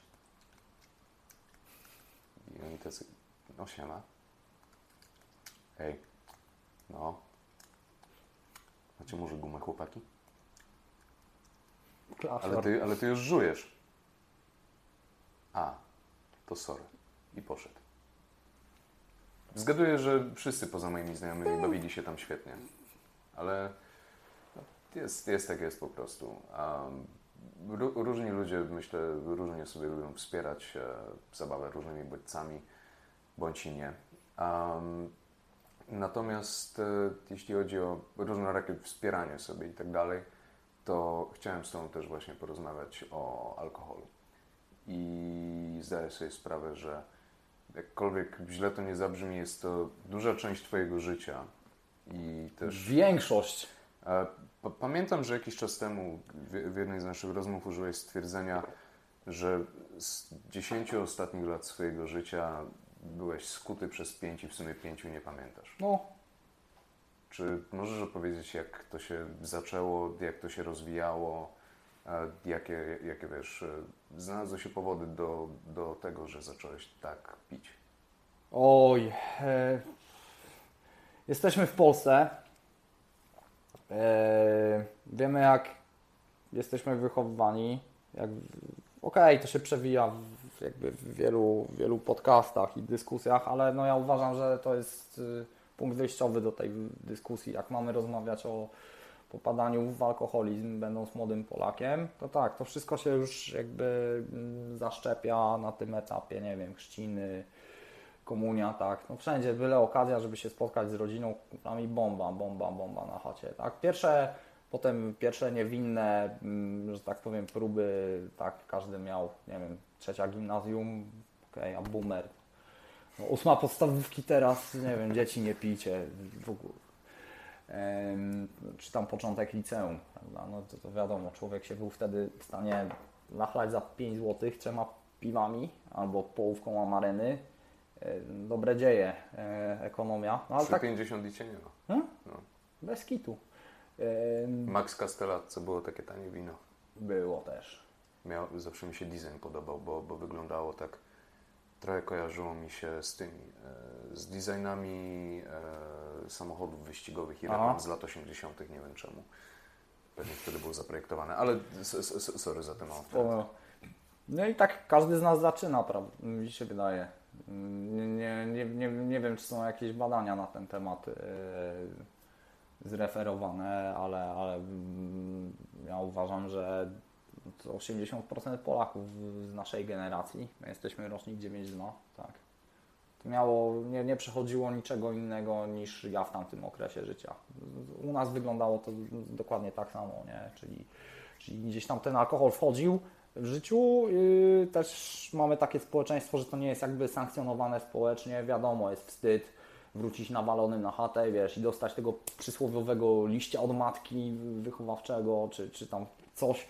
Yy, Ale ogólnie przymykają oko. Wiadomo, to jest specyfika wieku, my też byliśmy tacy y, i, i, i okej, nie? To każdy, każdy ma ten moment, nie? Potem u niektórych ludzi się to przedłuża przez studia, powiedzmy. Yy, No, ja nie byłem na studiach, ale u mnie się to przedłużyło w inny sposób, tak? Do... Znaczy, e, po, powiedzmy, że jeśli chodzi o, o niektóre aspekty życia, brałeś mocno udział w życiu studenckim. Tak, dokładnie. Wziąłem, wziąłem sobie jakby esencję, nie? Taki cherry picking po prostu, nie? Wziąłem sobie najlepsze rzeczy z życia studenckiego bez uczenia się, co mnie nie ominęło, ale do tego przejdę. Em, Porównując, znaczy biorąc jeszcze pod uwagę inne czynniki, bo też każdy ma jakąś historię w plecaku, e, są pewne skłonności e, zapisane w genach, i to są rzeczy już takie bardziej indywidualne, ale one mm, mają niewątpliwie wpływ na to, jak nasz ten piciorys później się e, rysuje, tak? I e, zwłaszcza, że ja, ja będąc człowiekiem no, tam, nie wiem, 18-19-letnim, wychodzącym w dorosłe życie, ja nie miałem świadomości tego, że ja mogę mieć jakieś, nie wiem, problemy, nie? Ja byłem, robiłem to co inni, ja nie robiłem nic innego, tak? Nie robiliśmy nic innego. Piliśmy mniej więcej tyle samo, e, piliśmy dużo, no, taka jest prawda.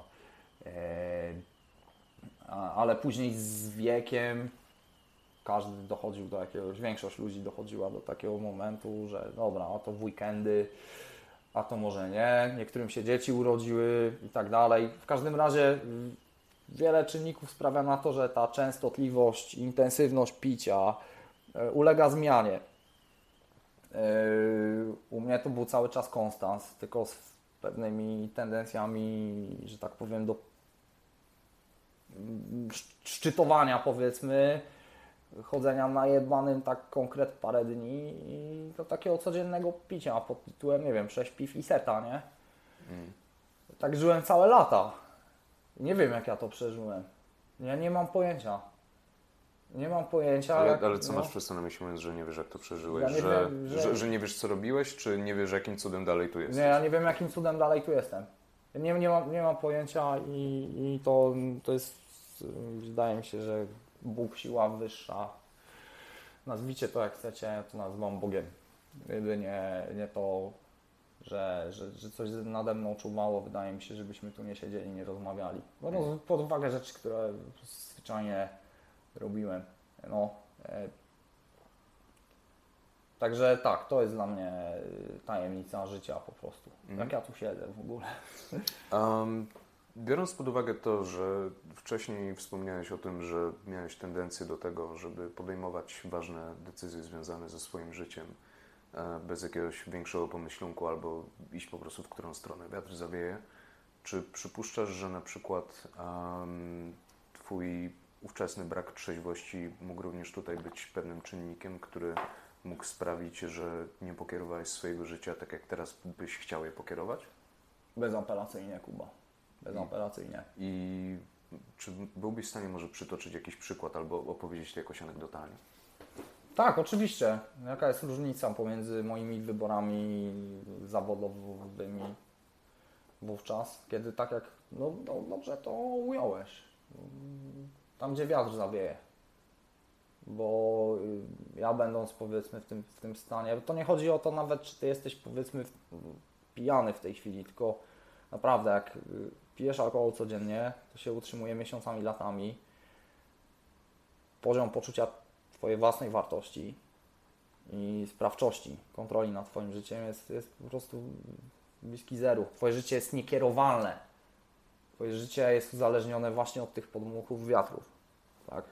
Z, y, tak to wyglądało te, wtedy. Dzisiaj ja nie, nie, nie, mam, nie ma po prostu teraz rzeczy, która by mogłaby mi odebrać kontrolę nad moim życiem oprócz y, ciężkiego kalectwa lub śmierci. Nie ma takiej rzeczy. Okej. Em, kiedy na przykład zdałeś sobie sprawę z tego, że masz problem i kiedy dojrzałeś do decyzji, e, że chcesz coś z tym zrobić? Zauważyłem, że mam problem, jak miałem jakieś 17-18 lat. O, szybko. Tak. I e, tak, to był problem, bo ja widziałem, że ja, ja za zbyt e, po tych właśnie pierwszych próbach, ja, ja zbyt często myślę o tym, nie? Zbyt często wiesz, już y, ten alkohol stał się takim moim bożkiem, no nie? Którego, którego gdzieś tam czciłem, nie? Coraz bardziej pielęgnowałem go w sobie, prawda, przez te wszystkie lata. Będąc mniej świadomym tak naprawdę, niż bardziej świadomym tego, że, że jest problem, bo właśnie jest jakby referencja na zewnątrz, wszyscy piją. Ja też, nie? Nie, nie, nie w ogóle nie, nie myślałem o tym w tych kategoriach, że to może być problem, który sprawi, że pewnego dnia znajdę się na krawędzi. Jo, ale, ale ten wewnętrzny niepokój gdzieś tam był, nie? I z drugiej strony była też ta wersja pro-choice, pro-life, zawsze we mnie była ta linia życia na tyle silna, żeby, żeby żyć po prostu, tak? I, te, przez, tą, przez tę dekadę, całe dorosłe życie, te dwie strony zawsze walczyły, nie? I jeśli powiedzmy, bo, ten, bo, bo wspomniałeś, że kiedyś e, przynajmniej odnosisz takie wrażenie, że Mhm. ludzie zdecydowanie bardziej ładowali, wszyscy ładowaliśmy. Też zresztą nieraz byliśmy na przykład na klubach i tak dalej i zdarzało nam się, nie wiem, lecieć do odcinki zasadniczo. Oczywiście. Em, I ja mimo wszystko myślę, że w perspektywie czasu to są śmieszne, fajne wspomnienia. Ja się warto sobie- zajebiście bawiłem. E, ale ten, czy też odnosisz wrażenie, że teraz zdecydowanie, znaczy się, że teraz młodsi ludzie zdecydowanie mniej piją Mhm. niż wtedy, gdy my byliśmy nastolatkami bądź młodymi dorosłymi? Tak, tak, zdecydowanie. Myślę, że to jest pozytywny trend. Tak, jak najbardziej. Okej. Bo to on sprzyja, sprzyja tej samoświadomości. Bo jeżeli jesteś, yy, nie wiem, w stanie intoksykacji permanentnie, twój mózg już działa inaczej, ty nie żyjesz w świecie rzeczywistym. Nie jesteś w teraźniejszości. Jesteś po prostu, jesteś gdzieś indziej. Cały czas jesteś gdzieś indziej, ale nie tam, gdzie, gdzie chcesz być, nie? I, I młodzi ludzie mają do tego troszeczkę inne podejście. Oczywiście to też bierze się z tego, że jest coraz większy nacisk na zainteresowanie psychologią, drugim człowiekiem. Oczywiście też przez dostępność materiałów, e, zasięgi youtuberów choćby, którzy się zajmują tą tematyką. E, To sprawia, że jest wokół tego hype i jest to jak najbardziej pozytywne, uważam. Okej. em, za to myślę, że z drugiej strony, em, przynajmniej do pewnego stopnia, wiadomo, że tutaj też uwarunkowania takie jak geografia e, nawet mogą mieć różne, różny wpływ na to. Natomiast mam wrażenie, że obecnie em, młodsi ludzie chętniej sięgają po narkotyki niż po alkohol. Mm, tak, kiedyś tego nie, nie było kiedyś tego. Ja uważam 10 Albo, 10. albo, albo, albo przynajmniej e, wybór przynajmniej był ograniczony. Oczywiście, kiedyś, żeby, nie, wiem, czy to musiałeś znać dealera. Trawę to wiadomo, wszędzie można było kupić, ale pamiętam, żeby było, żeby, żeby, żeby motać prochy, przed 2010 roku, gdzie, gdzie nikt, w ogóle nikt się z nas tym nie interesował, nie? To, to w ogóle naprawdę ci panie, ci panie to było dla, tak naprawdę dla patusów i przegrywów, przynajmniej z miejsca, w miejscu, z którego ja pochodzę, to, to, to, no, to ćpanie było jakby de, de, degradacją po prostu do B-klasy, nie? No, potem wyszły dopalacze. Myślę, że to trochę zmieniło e, perspektywę, jeśli chodzi o, o zażywanie tego typu substancji w kraju, ale, ale już, już mniejsza o to, bo myślę, że na temat tego, jak, narko, znaczy się, jak przepraszam, dopalacze wpłynęły na postrzeganie substancji psychoaktywnych, można byłoby napisać cały doktorat, jak nie siedem. Em, więc e, wróćmy sobie do powiedzmy tego głównego aspektu, do, do picia alkoholu. Mm? Um, teraz masz 30-31 lat. Tyle co ty chyba. Nie pamiętam, kiedy masz urodziny, przepraszam. Nie szkodzi. W którym miesiącu? W grudniu. A, to jeszcze masz 30, to jeszcze młodzieniaszek jesteś. um, I powiedzmy, że zacząłeś sobie zdawać sprawę z tego, że to może stanowić jakiś problem mając 17-18 lat. Natomiast e, przez cały ten czas do osiągnięcia mniej więcej tego 30 roku życia um, kontynuowałeś cały czas um, spożywanie alkoholu, mimo tego, że przynajmniej w pewnym stopniu byłeś świadomy tego, że nie służy Ci to dobrze. I tutaj mówię, wiesz, i o zdrowiu, i o swojej, nie wiem, nazwijmy to roli w społeczeństwie i o relacjach z innymi ludźmi. Mhm. I dlaczego? Wiesz co, bo to była, to była taka jedyna ulga rzeczywiście. Ja- musiałem tak bardzo nienawidzić siebie, swojego życia, że naprawdę chciałem. Robiłem wszystko, żeby, żeby o tym nie myśleć. Tak. To, jest najprostsze wytłumaczenie. Bo oczywiście y, sam schemat jest totalnie irracjonalny, umówmy się, nie? Jakby mm, wziąć to na lo- logikę, no jest, jest to totalnie bez sensu, ale ludzie robią bezsensowne rzeczy, e, coś się za tym kryje, tak. I e, no u, mnie, u mnie to musiał być jakiś cały kompleks. Wiesz, ja nie, nie byłem nigdy psychologa e, i nie wiem, nigdy się nie diagnozowałem. Szczerze mówiąc, dalej jestem od tego daleki. Ale no, wydaje mi się, że gdybym, gdyby, gdybym może trafił na jakiegoś dobrego psychologa, który jest świadomy, że, że są tacy ludzie, którzy, nie wiem, piją nie dlatego, że bardzo lubią alkohol, bo to nie jest tak, że ja jakoś lubiłem bombę alkoholową. Nie, to było w miarę tanie, łatwo dostępne, dos- no i, i na już. To jest to alkoholik, każdy uzależnieniowiec musi mieć na już, prawda? Nie można czekać. Nie masz po prostu systemu odroczonej gratyfikacji, leży, nie? Tu i teraz musisz mieć ulgę. Prozak wpłynie, cokolwiek, tak? I e, no, wydaje mi się, że to wynikało z, z kompleksowej nienawiści do samego świata i, i samego świata, jaki widzę tymi oczami. Nie? Mhm. Um, od razu mówię, że jeśli nie będziesz chciał odpowiadać na to pytanie, jak najbardziej w porządku, ale pozwolę je sobie zadać. Um, jak wygląda życie uczuciowe w takim stanie? To jest piekło dla tej drugiej osoby, z całą pewnością. To musi być piekło. E, e, w jednej chwili jesteś i, niestety wydaje mi się, że ludzie, którzy są współzależnieni, którzy tkwią w związkach, mm, doskonale będą wiedzieli, o czym mówię. W jednej chwili naprawdę jesteś najukochańszym człowiekiem na, na świecie. Ale wiadomo, wypijesz to jedno piwo, dwa piwa za dużo, wychylisz tą jedną setę, nagle, nagle wiesz, obrót o 180 stopni, zmieniasz się w totalnie innego człowieka.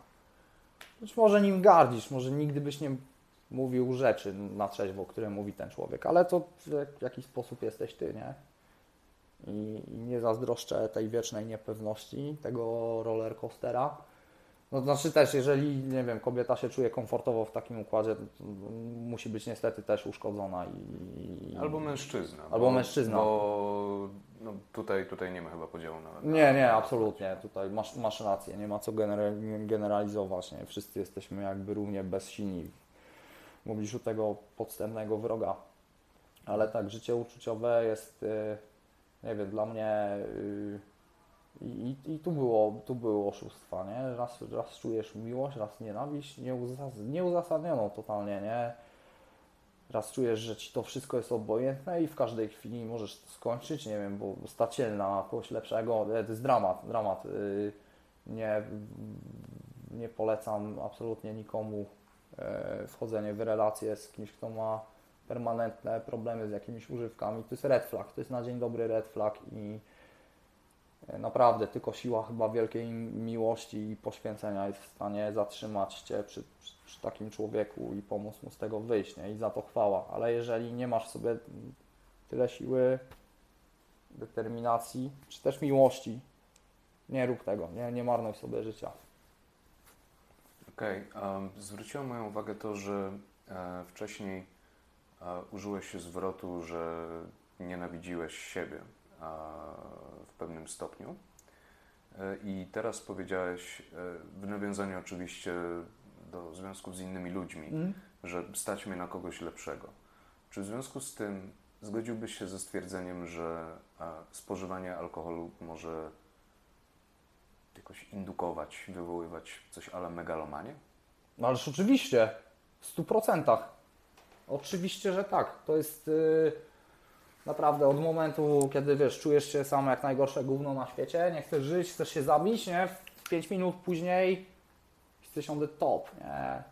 Możesz, wiesz, jesteś kurde, sam jest alfa, sigma, y, wszystkie pieniądze tego świata, gigachet i w ogóle, że, że, że ten, co ja tu jeszcze robię, idę na, idę, idę na miacho, nie? Kogoś poznać. To są, nie, są straszne ro- rollercoastery, które, które sobie człowiek funduje, będąc w tym stanie. I e, tak, to megalomania jest jednym ze skutków ubocznych, albo jej odwrotność. Nie wiem, czy jest odwrotność mega, megalomanii, ale. Ale znaczy, nie wiem jakie jest słowo, ale na pewno jest coś Okej. takiego. No to okej, uznajmy megalomanię, że to jest ta rzecz y, euforyczna, która, która cię łapie, jak masz dobrą bombę, nie? Jesteś panem świata, jeszcze wiesz, ściągniesz sobie do tego jeszcze ściechę koksu, to jesteś w ogóle z adamantytu zbudowany, nie do rozwalenia, nie? No i wiesz, masz z kolei skrajnie dolne rejestry, w których y, twoją siostrą jest depresja, myśli samobójcze i y, cały, cały syf, który nosisz w sobie prawdopodobnie, tak. Czy zmagałeś się, znaczy wspomniałeś o tym, że, y, znaczy z tego co zrozumiałem, że miałeś te poczucia wyższości i tak dalej. A czy te na dole też miałeś? Te właśnie... Permanentnie. No, Więcej było tych dolnych, y, No. zdecydowanie. Więcej, więcej było, tych negatywów, tej, tej autodestrukcji zdecydowanie, nie? Że, że to, to, że wiesz, ja, ja nie wiem, po, po, po, po, tej wódzie czy, czy, czy czymś ja jestem, nie wiem, oświeconym y, na równi z Bogiem, spokrewnionym kreatorem, nie? No to nie, takich momentów było mniej, może to i lepiej, nie? ale więcej było dołu, przegrywu po prostu. Rozumiem. I jaki był, powiedzmy, przełomowy moment, że postanowiłeś coś, coś z tym wszystkim zrobić? No i było kilka, wiesz. Ja wierzę w to, że y, jestem dosyć uduchowionym człowiekiem. Zawsze byłem. Niezależnie jakby od mojego, mojej sytuacji życiowej, zawsze miałem jakieś takie dążenie do tego, co, co jest jakby po, poza zasięgiem naszego wzroku i życie, ja, ja wierzę w to, że wiem o tym. W zasadzie życie chce Ci coś powiedzieć w pewnych momentach. Ja miałem takie sygnały wielokrotnie, wielokrotnie w życiu, nie? I były takie właśnie przebłyski, nie, stary, nie, nie możesz tak dalej robić, bo to jest, ty się prosisz po prostu o, o prze, prze, przegrane życie. Sensie będziesz totalnie, totalnie nie, nieszczęśliwy, ale wiesz, ta, ta, ta chwila refleksji nic nie zmieniała. Potem sobie zaczynam kalkulować, co miałbym przestać pić, pójść na siłownię, pójść na studia, wziąć nie za dużo wysiłku, kurde. Ja wolę, wolę zostać w mojej bańce, tak. No I zawsze, zawsze tak odbijałem się od tych drzwi. Odbijałem się cały, cały czas, cały czas, cały czas, nie? Ale w pewnym momencie nie wiem czego to była kwestia, bo to nie było jakieś moje naj, najcięższe doświadczenie w życiu, po którym stwierdziłem, że tak, to jest ten dzień. Nie, to był, po prostu to był ten dzień. Ja wstałem po, nie wiem, dwutygodniowym takim ciągu konkretnym, że nie byłem w stanie utrzymać kubka, po prostu wy- wylewało mi się. No i to był ten dzień, kiedy ja wiedziałem. To jest, to jest coś, czego nie potrafisz opisać słowami, ty po prostu to wiesz, coś cię prowadzi. Tak było u mnie. Po prostu otworzyłem telefon, zobaczyłem listę meetingów A, zobaczyłem grupę, godzina, czas mi odpowiada. Poszedłem. Reszta, reszta stała się sama. Dobra, e, zanim przejdziemy do kwestii związanych e, z uczęszczaniem na AA, chcę zapytać, czy miałeś jakieś fizyczno-zdrowotne e, skutki odstawienia? Em, Był, był, czu, czułem coś w rodzaju detoksu, który, który trwał tak naprawdę kilka tygodni. Y, Że rzeczywiście, to, jak to był ten dzień, w którym wstałem rano i wie- wiedziałem, ja to po prostu wiedziałem, że to jest koniec e, tego baletu. E, Ja od tego momentu jakby jestem, jestem suchy w 100%, nie mam, nie mam e, jakby takich aktywnych nawrotów, ale zauważałem w swoim ciele, że rzeczywiście jakby mam trochę więcej pryszczy, pocę się w nocy, po prostu organizm to wypompowywał, bo wiadomo, wcześniej jak był jeżeli Ci możliwość pozwalała, Po prostu coś się brało na, na klina, prawda? I żeby ta tranzycja była Jakieś bardziej piwko albo krwawe mery, nie? No, dokładnie, nie? A a najlepiej w ogóle zacząć dzień od picia, prawda? I pić cały dzień, nie dopuszczać do kaca. Tak? To, jest, to jest najlepszy scenariusz. A bardziej chodzi mi o to, że krwawe mery to chyba najbardziej śniadaniowy drink ze wszystkich. Wiesz co, powiem Ci, że nie, powiedzmy w prime mojego alkoholizmu ja nie za bardzo dbałem o styl. Miało, miało kopać. Ja lubię sok pomidorowy. No. Okej, więc y, gdy dotarłeś na to AA, to zakładam, że lwia część ludzi, którzy tego słuchają, albo nigdy na tym nie była, albo nigdy nawet nie miała potrzeby, żeby tam się udać. E, czy byłbyś w stanie opowiedzieć, jak mniej więcej ustrukturyzowane jest typowe spotkanie? Czy jeśli chodzi o wspólnotę, a tutaj nas członków y, obowiązuje zasada anonimowości. E, To jest przede wszystkim, to jest, to jest jakby bezwzglę- bezwzględna podstawa e, działalności i sukcesu tego przedsięwzięcia, gdzie jeden alkoholik jest w stanie wyleczyć drugiego alkoholika z choroby. No ale Ale co, ale nie wiesz, jak się nazywają ci ludzie i tak dalej? to znaczy, nie no, oczywiście my się, my się, my się przedstawiamy, tak, ale jakby my jesteśmy we wspólnocie, e, no jesteśmy razem we wspólnocie i, i no, zachowujemy tą anonimowość. Ja, ja to w jakiś sposób na, naruszyłem, decydując się mówić o tym pod, pod nazwiskiem, ale jakby to nie, nie, nie, nie przejmuję się tym, ponieważ nie jestem jakby pierwszą osobą też w polskiej przestrzeni publicznej, która, która robi taki coming out swoisty. Em, ale no, co, do, co, do, co, do, co do zasady, no to, to spotkanie y, polega na właśnie między innymi wymianie doświadczeń i to jest niesamowite, co mnie uderzyło od razu, że ja nie musiałem nic mówić. Ci ludzie, których widziałem pierwszy raz w życiu, którzy byli w innym wieku, w innej sytuacji życiowej, zawodowej, y, ich historia odbywała się z innymi bohaterami niż moi bohaterowie z mojego życia, tak, to to jest opowieść o tym samym. To jest fenomenalne. Nie musisz nic mówić, żeby, żeby przemówić. I tak, to świadczy o tym, że, że wszyscy są jakby jednakowo równie bezsilni w obliczu tej choroby. Niezależnie od tego, kim jesteś w świecie gdzieś tam. Tu jesteś na równi. Jesteś alkoholikiem. Mm.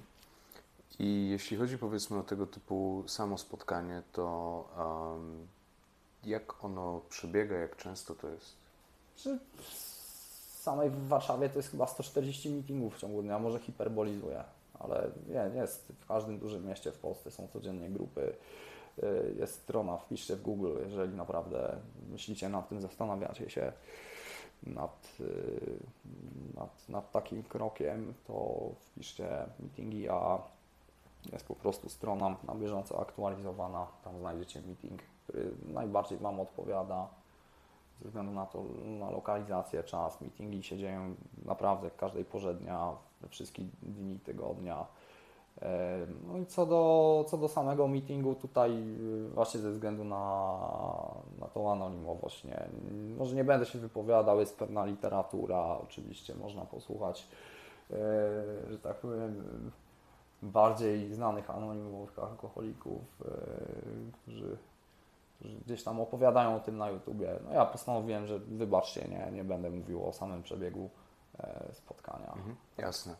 A czy istnieje na przykład jakaś metodologia, którą byłbyś w stanie się podzielić?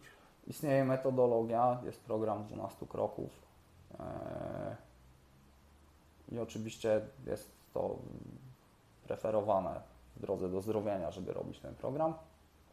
Ja natomiast nie uczestniczę w tym programie. Także ja nie będę się wypowiadał na temat Jasne. metodologii, bo ja do mojego problemu alkoholowego nie podszedłem metodycznie. I ważne, że działa. No to to jest najważniejsze. Um, I na przykład powiedzmy teraz jak idziesz na jakąś imprezę, um, czy, czy coś w tym stylu, ludzie dookoła Ciebie piją, to nie wiem, smoli Cię jakoś? Czy... Yy, impreza, y, w ogóle sytuacja, gdzie ludzie spożywają alkohol, nie, nie jest dla mnie triggerem. No Ja ma, ja, jak ja mam trigger, to to się dzieje w ogóle w ciągu, w ciągu dnia, tak? Czasami wejdę do żabki nie, i widzisz tą l- półeczkę, półeczkę z małpkami, nie? Wszystkie smaki świata. Ale są takie momenty, ale to są tylko momenty. Ja już się nauczyłem, że one trwają 10-15 minut. Po prostu przychodzą, odchodzą. Nie, nie ma co z tym walczyć. One się tam muszą wyszaleć, yy, próbować bić się jakby o Twoją atencję, żebyś, żebyś je nakarmił, tak, ale to, to, to trwa chwilę. Zawsze wtedy możesz yy, wykręcić numer do zaufanej osoby, yy, napisać, słuchaj, łamie się, tak, my też się jakby też po to jesteśmy, żeby się wspierać wewnątrz wspólnoty. Właśnie w takich momentach, nie? Że, że, że, że hej, łamię się, nie mogę, coś się ze mną dzieje. Nie wiem, czy zaraz nie zapiję, nie wiem, czy nie pęknę. Tak. Ciężko jest samemu osiągnąć sukces. Yy, yy, Mi by się nie udało na pewno bez, bez wsparcia. Tak. Mhm. Ważny jest, drugi, ważny jest drugi człowiek, żebyś nie był zamknięty w swojej głowie, nie? Z, tym, z, tym, z tym wszystkim, co się dzieje. Byłeś zbyt wiele lat zamknięty w swojej głowie, pijąc po prostu. Tak. A co na przykład w sytuacji, w której jest się zmuszonym spożyć jakąś, e, znaczy alkohol w jakiejś formie, e, bądź, bądź napój alkoholowy w jakiejś formie? I mam tutaj na myśli dwa przykłady. A pierwszy to na przykład jest e, w zastosowaniu kulinarnym. Mhm. Nie, nie, że powiedzmy piwo do posiłku czy coś w tym stylu, bo, bo zgaduję, że to pewnie odpada od razu. Ale na przykład powiedzmy, że wiem, robisz zupę cebulową i e, wlewasz e, do niej butelkę piwa i to ci się tam dalej gotuje z dwie godziny. I oczywiście to Mhm. wszystko odparowuje. To czy coś takiego jest ok? Znaczy dla mnie, dla mnie jak najbardziej, bo... A, czyli, czyli zależy od osoby. E, Tak, tak, zdecydowanie. Każdy przypadek jest indywidualny, ponieważ też no, może troszeczkę za bardzo to zunifikowałem, mówiąc, że wszyscy jesteśmy równi, bo tak, to jest prawda, ale e, każdy z nas ma inną troszeczkę konstrukcję psychiczną, inny bagaż. e, Inne, in, no właśnie, inne rzeczy nas triggerują, tak. I niektórzy ludzie jakby muszą to przepracować poprzez właśnie terapię, e, wspomaganą lub niewspomaganą środkami farmakologicznymi, tak, a są ludzie powiedzmy tacy jak ja, że już po, no nie wiem, paru miesiącach tego trzeźwienia e, nie mają problemu z wbiciem się do paszczy e, lwa. Nie, nie, ja nie, nie, nie rzuc- zrzucam tego na karpy jakiejś e, dyscypliny psychicznej, silnej woli i tak dalej. Nie, nie sądzę, żeby to była tego typu kwestia. Jasne, silna wola musi Ci pomóc, bo Ty musisz jakby mieć, mieć ten cel, że ty, że ty walczysz po prostu, albo, albo nie walczysz, po prostu ignorujesz tego wroga, nie ma go w życiu, omijasz go, tak? Ja zdecydowałem, że to fakt, że ja nie wiem, nie, nie, nie, piję, nie ćpam, nie zmieni, yy, nie zabierze mi z życia tego, co lubię, czyli, czyli kontaktu, zabawy. Yy, ja sobie tego nie będę od, odmawiał. Yy, No bo też, no bo też w sumie poza tym, że grasz w klubach, no to Tak. też, też chadzasz chyba do klubów dalej, nie? Nie, wiesz co, to, to już czasami, czas, czasami, nie wiem, dwa razy do roku jakiś No. festiwal, wiesz, ale ta, że tak powiem, częstotliwość e, y, rejwowania, no to zdecydowanie... Poziom zmalał. Tak, tak. I no, teraz w zeszły weekend y, grałem y, imprezę, tak. Y, to, to był pierwszy raz od pół, pół roku, kiedy byłem w klubie w tej czy innej formie, tak. Być w klubie w Szczecinie to jest coś.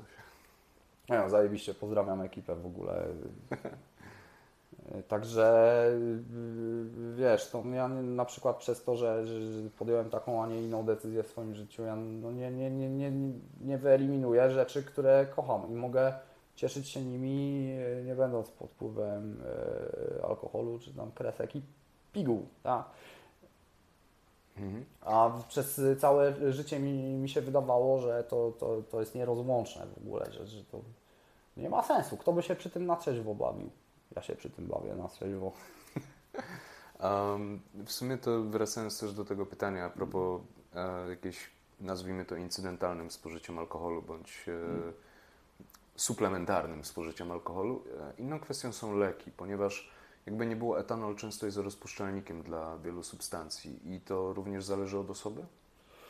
Wiesz co, odpukać nie, nie leczę się farmakologicznie na żadne schorzenie, mm, także nie wiem, ja nie byłem w sytuacji testowej i no też szczerze mówiąc nie, nie byłem nigdy zainteresowany tym tematem, więc też nawet z nikim o tym nie rozmawiałem. Nie no, znaczy, wiesz, mam, mam tutaj na myśli, że psiknąć sobie tamtą werdę w gardło to jest jedno, a nie wiem, mieć butelkę amolu w ręce to też zupełnie inna sytuacja, nie? Wydaje mi się, że to, to wszystko zależy, bo weźmy piwa zero, tak? Mm. Pi, piwa zero. Ty pijesz piwo zero. Tak, tak, jak najbardziej, bo ja za bardzo lubię smak piwa.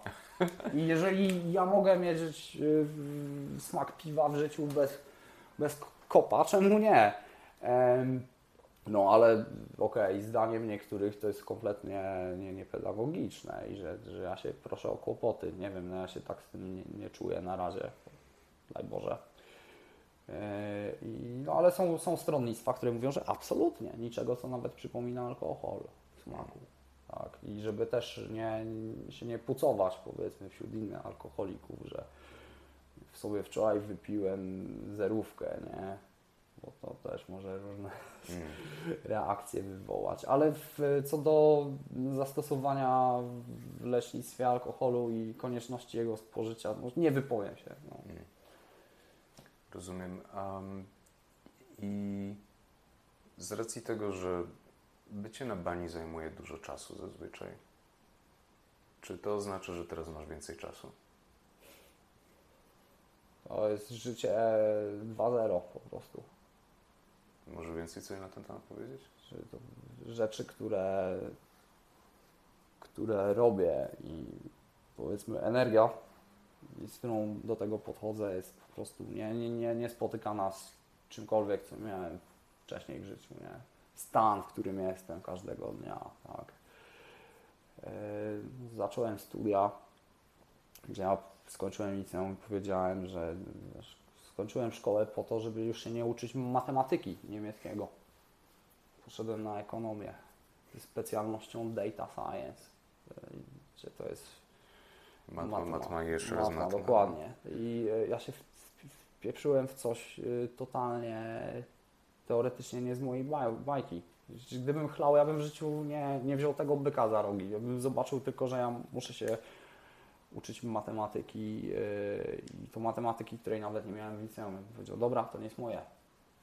To nie, ja się zajmę czymś in- innym, łatwiejszym. Ale nie, nie, nie, nie tym razem, wiesz, to jest to jest po prostu, wiesz, wyzwanie, które, które, do którego po- podchodzisz i, pracujesz tak, żeby, żeby mu podołać, nie? I nic innego się tu, tu, tu nie dzieje. Dzisiaj, dzisiaj mogę do tego podejść z innym płucem i wiem, że dam radę. Eee, i, ale to się bierze z wiary w siebie, wysokiego poczucia własnej wartości, wysokiej wiary w sprawczości nad, nad swoim życiem, tak? I, i ogólnie stanu mentalnego, fizycznego, tak? Kiedy ty się budzisz rano, nie masz tego kaca, prawda?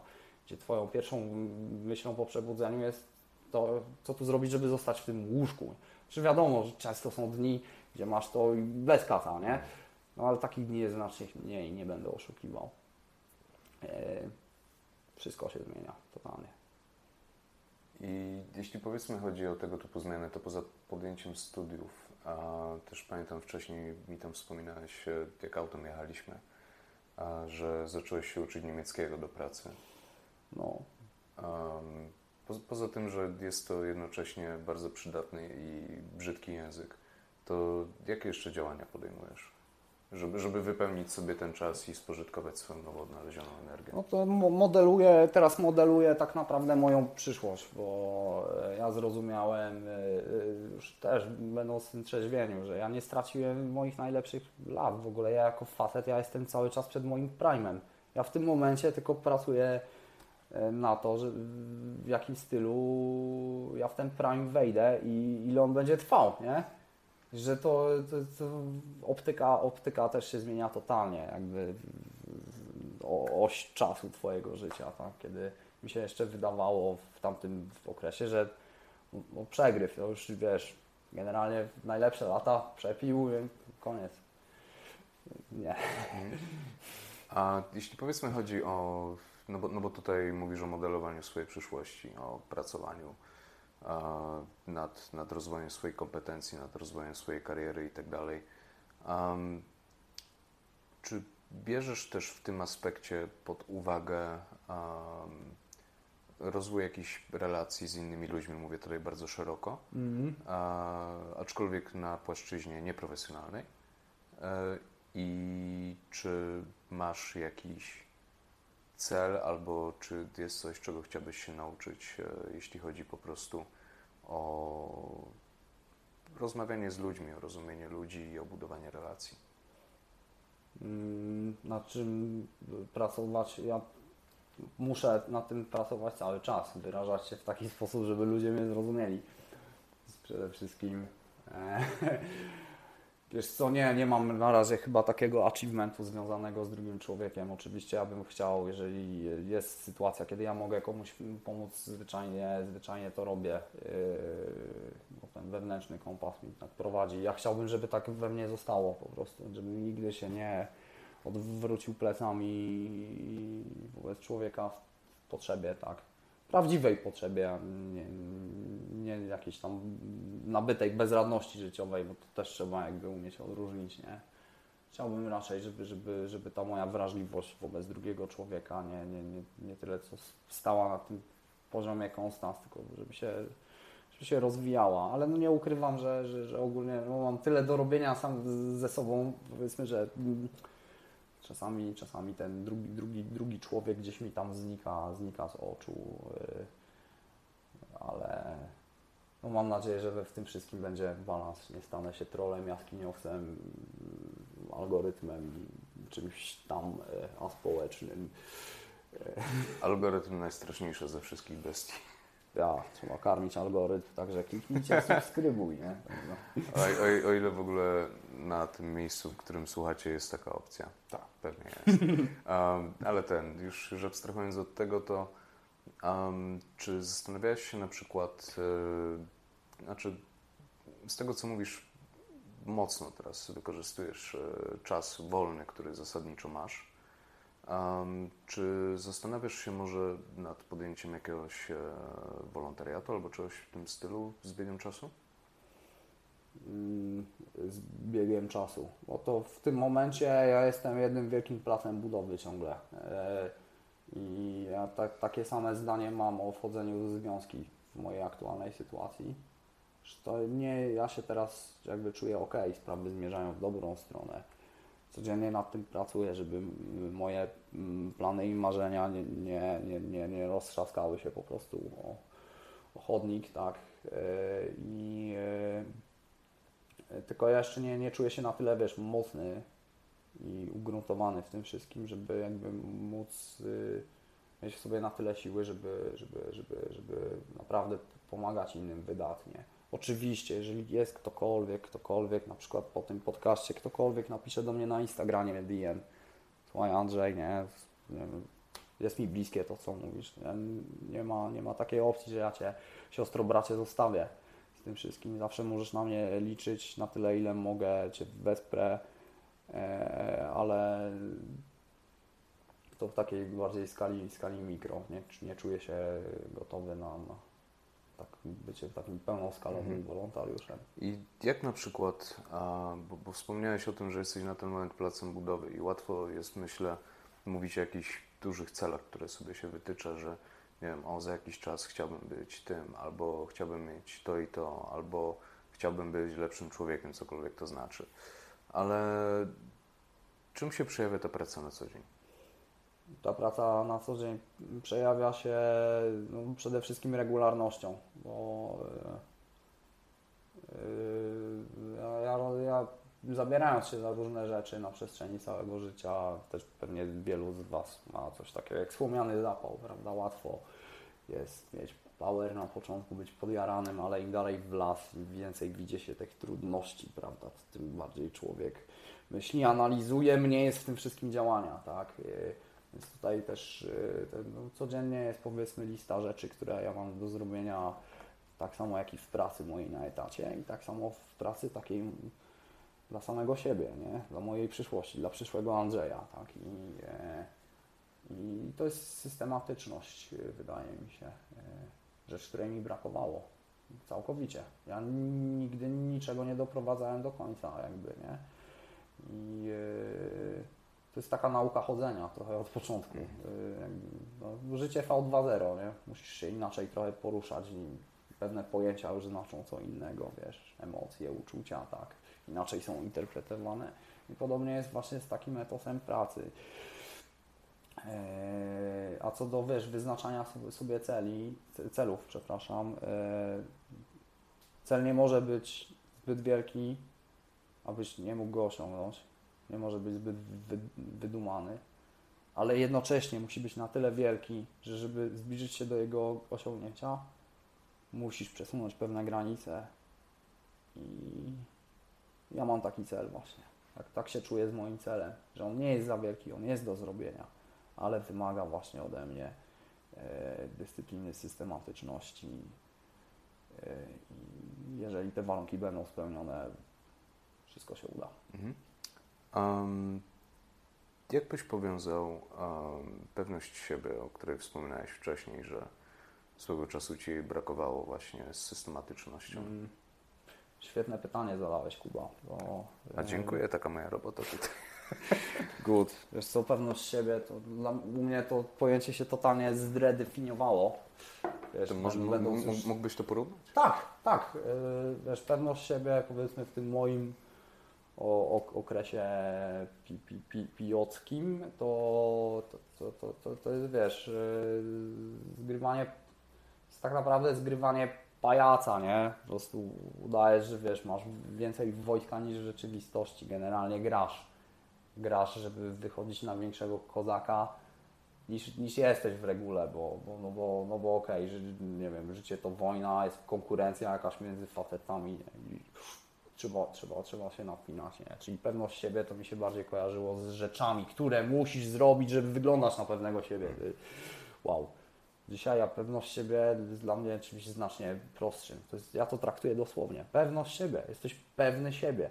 Pewny tego, co właśnie zaraz powiesz, co zaraz zrobisz. Ty jesteś tego pewny. Masz nad sobą kontrolę. Nie? Sorry, znowu to słowo pada, ale Może... ono jest moim zdaniem kluczowe. Pewność siebie. Czyli powiedzmy z buńczuczności i osiągnięć można powiedzieć, że bardziej się to przyrodziło w świadomość siebie? Mam nadzieję. Znaczy, to, to było pytanie dotyczące tylko i wyłącznie semantyki. Wiem, znaczy, tak, jeśli chodzi o semantykę, to tak, ta, ta druga opcja wydaje mi się bliższa, nie?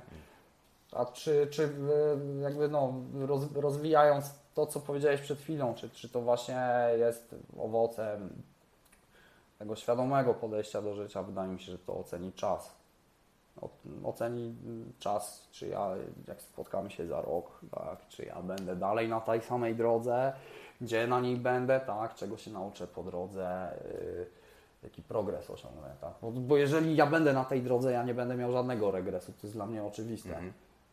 No. Okej.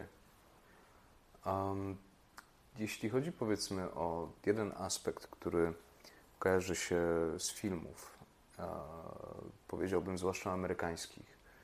E, bardzo często, jeśli chodzi o leczenie choroby alkoholowej, e, gdy, gdy na przykład gdy ogląda się jakiś film czy coś w tym stylu, jest jakaś scena z amerykańskiego AA, mhm. E, jest tam duży nacisk na powierzenie się sile wyższej, zazwyczaj jakiemuś Bogu. I chciałem się zapytać, czy um, bo, bo powiedziałeś już wcześniej, że uważasz się za osobę duchową. Tak.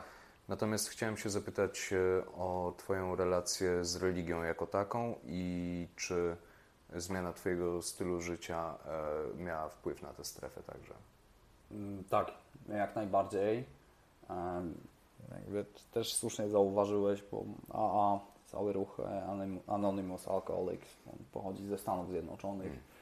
Są jeszcze lata 30. chyba XX wieku, kiedy, kiedy ten ruch się zapoczątkował, gdzie dwóch gości alkoholików postanowiło, że mamy tego dosyć, nic nam nie pomaga, próbowaliśmy wszystkiego, spróbujmy się wyleczyć nawzajem. Im się udało. Tak to wygląda w dużym skrócie. I, i tak e, jakby tutaj rola e, siły wyższej, ponieważ yy, uwierz mi, że ja widziałem ateistów, którzy wszystko powierzają i tak sile wyższej, wiesz, to jest, to jest fantastyczne. Ludzie, którzy się deklarują jako ateiści, mówią, że dziękuję Ci siło wyższą, miałem dobry, miałem dobry dzień. Oh my science.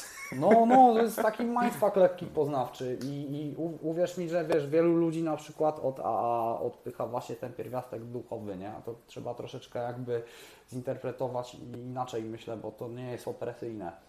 Tam nic nie jest opresyjne, tam możesz, nie musisz po prostu, tak? Jesteś tam z własnej woli, bo, bo postanowiłeś coś zrobić ze swoim życiem, nie? Potrzebujesz pomocy, nie? Jesteś tam z własnej woli. I nikt ci tak samo nie każe wierzyć w- Boga, w latającego potwora spaghetti, w, co, w cokolwiek, nie? Ale nie da się jakby zignorować tej siły wyższej. Ja nie widziałem, żeby ktoś to ignorował. Natomiast jeśli chodzi o jakby o mój osobisty przypadek, to y, y, ja byłem kiedyś bardzo religijnym dzieckiem, nastolatkiem, służyłem mszy, byłem w duszpa- duszpasterstwie młodych, tak, wszystkie wakacje spędzałem na rekolekcjach.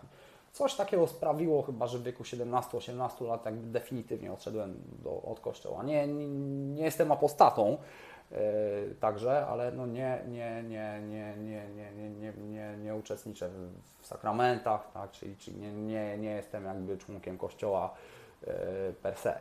I, e, ale jakby ten wymiar duchowości i odnowienia relacji z Bogiem, e, no to jest coś, e, coś fantastycznego. Jakby to, że ja to mogłem powierzyć, nie? że spoko. Ja się poddaję po prostu, ja, ja nie wiem, ja mam dosyć, nie? Zabierz to ode mnie. To, to mi zabrano. Obsesję chlania, nie? Kompulsywnego chlania po prostu w każdej możliwej sytuacji mi to odebrało, no, odebrano po prostu w ciągu minuty, tak? No, Także to, to, to są rzeczy poza jakby naszym rozumowaniem uważam i niech tak zostanie, jeżeli to działa, jeżeli to y, jest elementem wo- wo- woli, woli Bożej, tak, to niech tak będzie. Bo y, być może y, wiesz, przez ten cały czas y, to mogła być jakaś próba. Ja dzisiaj tak na to patrzę, nie? Słuchaj, nie? Rzucam cię na taką mapę, w taką epokę geograficzną, jeszcze dam ci bonus. Będziesz alkusem. Jak sobie poradzisz? Chcę zobaczyć, jak, czy z tego wyjdziesz w ogóle. Może jak to ogarniesz, yy, będziesz się nadawał do naprawdę dużych rzeczy. Kto wie, to- to nie jest moja wola, tak? Yy, ale ale no już dzisiaj tak patrzę, patrzę na, na, na, na siebie i życie, nie? Że, że tutaj ty nie, nie, nie musisz mieć rację. Często i nie masz. Um, jeśli powiedzmy chodzi o inne aspekty, które, um, które zmieniły się, e, odkąd e, przestałeś pić, to chciałem zapytać się o kwestie związane ze zdrowiem i z aktywnością fizyczną.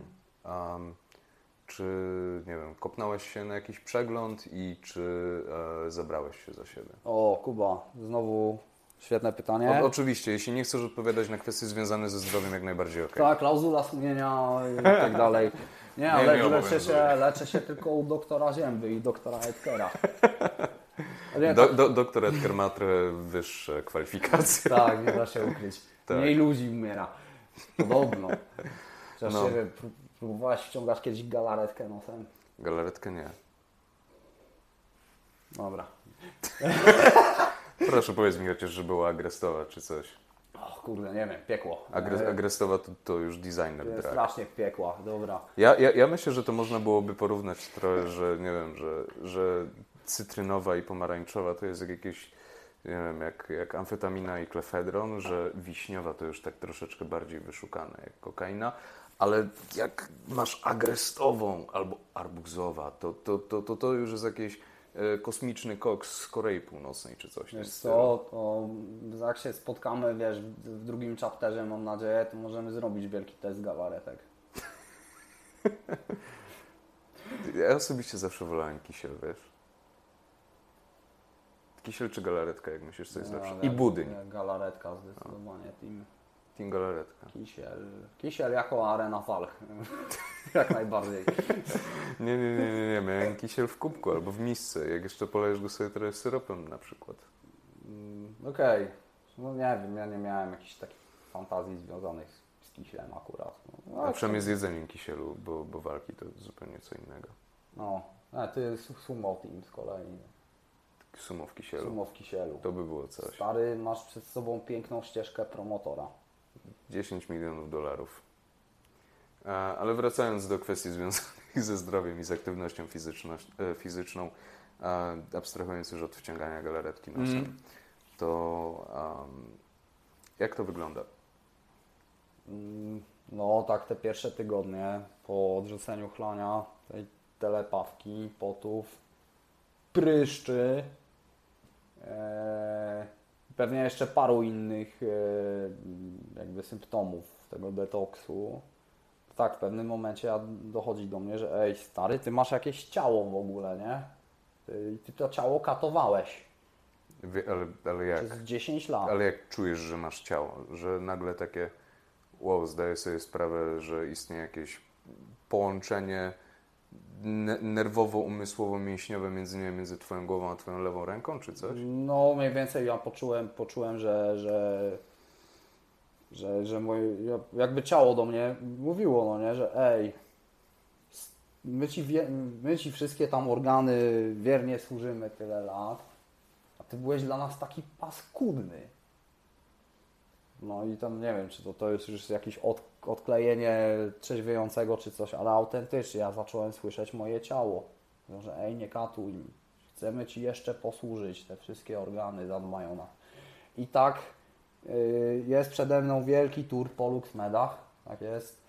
E, Także, także tak, to, to, to, to, to już na, na, na październik mam, mam, mam, mam tour y, po lekarzach zaplanowany, kompleksowy przegląd. E, Też nie ukrywam, że no tylko to już do innego lekarza. E, Chętnie bym sobie zbadał poziom teścia na przykład, testosteronu, tak, bo e, nigdy, te, nigdy tego nie badałem nie? i nie wiem, jestem, jestem po prostu ciekawy, czy e, fakt takiego prowadzenia się, jaki miałem, wpłynął na przykład na, na, na poziom testo, bo, bo jednak u mężczyzny no, od testo wychodzi wiele rzeczy, e, też związanych ogólnie z właściwą pracą poszczególnych sekcji naszego organizmu, a także no, z samopoczuciem, nie? Więc nawet i e, e, tego tematu nie ominę, żeby po prostu być bardziej świadomym. E, I no to jest właśnie, w, jeśli chodzi o mm, no, profilak, profilaktykę, diagnozę bardziej, tak, tak. Bo do profilaktyki, no to mam już inne podejście. Zacząłem sport uprawiać. To jest rzecz, o, której, o którą się nie podejrzewałem. Jak Jakie uprawiasz? Co zacząłem od y, lightowych rzeczy, typu jazda na rowerze, trening ogólnorozwojowy na siłowni i tak to trwało, żeby już móc powiedzmy się przygotować na machanie większym żelastwem, nie? No i, e, i tak, to się, to się dzieje sukcesywnie, tylko ja tego jakby nie robię, nie wiem, moją motywacją nie jest to, żeby być większym, to jest skutek uboczny. Ja po prostu zauważam, że ja się zajebiście czuję, nie? I, i, I to mi też bardzo pomaga w trzymaniu tego odpowiedniego stanu umysłu, który ci umożliwia robić spoko rzeczy, nie? Mhm. A gdybyś miał ocenić swoje zdrowie um, z fizycznego punktu Mhm. widzenia, powiedzmy tak jak siedzisz tutaj teraz, w skali od 1 do 10, to jakby się określił? Znaczy mówię o, o, Twoim przeświadczeniu. Co wydaje mi się, że to jest około 6, 5, 5 6 mi się wydaje. Mhm. A gdybyś na przykład miał um, powiedzieć to samo w odniesieniu do siebie 3 lata temu, 2 na 10. czyli mówisz, że ocena podskoczyła 2,5-3-krotnie No. po tym, jak, jak przestałeś ładować. Tak. Tak, tak, subiektywnie, bo mm, tylko subiektywnie.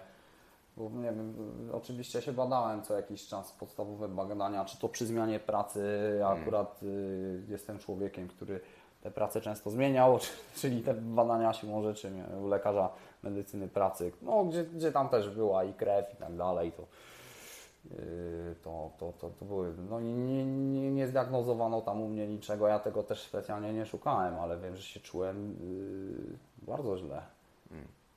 Bardzo, bardzo źle. Czułem się uwięziony w swoim ciele, choć mi nic nie dolegało. To jest chore, tak? Tak słaby się czułem. Czy myślisz, że um, to zaburzenie percepcji ogólne, które wynika um, z trwania, powiedzmy, w ciągu alkoholowym, y, że ono też właśnie ogranicza um, postrzeganie tego, jak, jak działa Twoje ciało, jakie wysyła bodźce? W 100%. To tracisz kontakt sam ze sobą. y, Totalnie jakby. I, i to w, przede wszystkim emocjonalnie to jest, to jest najbardziej widoczne. Nie masz kontaktu ze swoimi emocjami.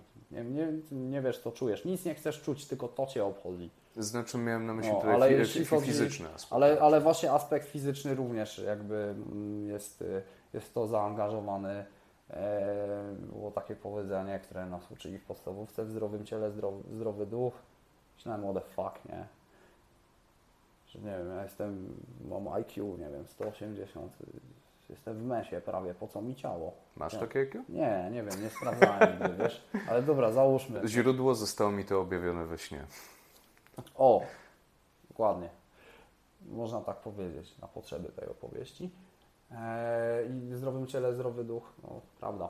E, jednak te, te, te, te rzeczy związane z, z, z somatyką e, no też, też ulegają zmianie. Jakby no masz coś cię boli, to tego nie ignorujesz po prostu, tylko wkurwia, że cię to boli. Mnie to zaczyna denerwować, mnie coś boli. Wcześniej to ignorowałem i właśnie z takimi rzeczami teraz idę do lekarza, nie? Wszystkie rzeczy, które mnie gdzieś tam pobolewały, wiek też robi twoje, nie? Magiczne 30. 30. Do, do, do, dobijasz do ściany i nagle odkrywasz stawy, mięśnie i Tak! rzeczy, o których wcześniej nie wiedziałem. Także to, to jakby i ten aspekt y, może być z tym związany bezpośrednio, ale, ale tak, to całe, całe czucie wszystkiego, wszystkiego jakby się zmienia, kiedy jesteś no, trzeźwy po prostu, tak. Jeśli chodzi powiedzmy o tę całą sekcję, będę, będę miał jeszcze jedno pytanie tam na, na samym, samym końcu.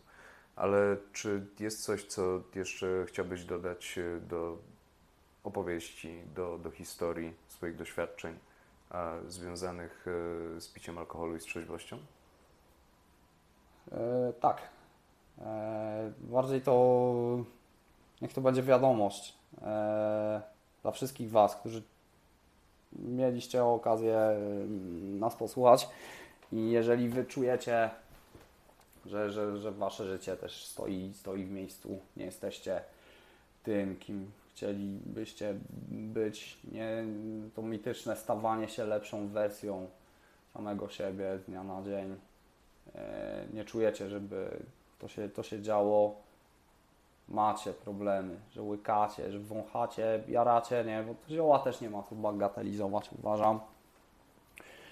E, To przede, przede wszystkim nie, nie, nie, naprawdę nie bójcie się pytać o pomoc, pójść na meeting na AA, na NA. Mi to bardzo pomogło, wielu ludziom też to pomogło, po prostu, żeby, żebyście wiedzieli, że nie tylko, nie tylko Wy e, mierzycie się z, z tymi demonami. Mnóstwo jest dużo, dużo jest ludzi dookoła. E, Tylko wiadomo, to jest troszeczkę jeszcze często usankcjonowane społecznie i nie każdy może o tym w wolny sposób rozmawiać i się do tego przyznawać, tak. Ale tego się nie bójcie. Poza tym druga rzecz, e, zwłaszcza dla młodych chłopaków, tak, macie, nie wiem, 20 lat, i wy się czujecie, nie wiem, przegrywami, pamiętajcie, nigdy, nigdy nie jesteś przegrywem w sytuacji, w której możesz zmienić swoje życie, a uwierzcie mi, 99,9% z Was tu i teraz ma wszystko do tego, żeby zmienić swoje życie, nie? Także nigdy nie jesteście prze- przegrywami, jeżeli macie tą możliwość. Nigdy, pamiętajcie, nie? I bo, y, dopóki walczysz, jesteś zwycięzcą i to jest święta prawda, nie? musisz wierzyć w, w to, że, że, że, że, że po nocy nastaje dzień. Czasami, czasami ten horyzont jest odległy, nie? ale nad, nad, nadchodzi zawsze, jak jest w Was po prostu ta linia życia, która, która no, po prostu się ciągnie nieprzerwanie i no, to, to słuchajcie, słuchajcie tej strony po prostu swojej osobowości, tej, która chce właśnie żyć. Życie jest piękne, tylko bardzo łatwo o tym zapomnieć. I coś to piszcie.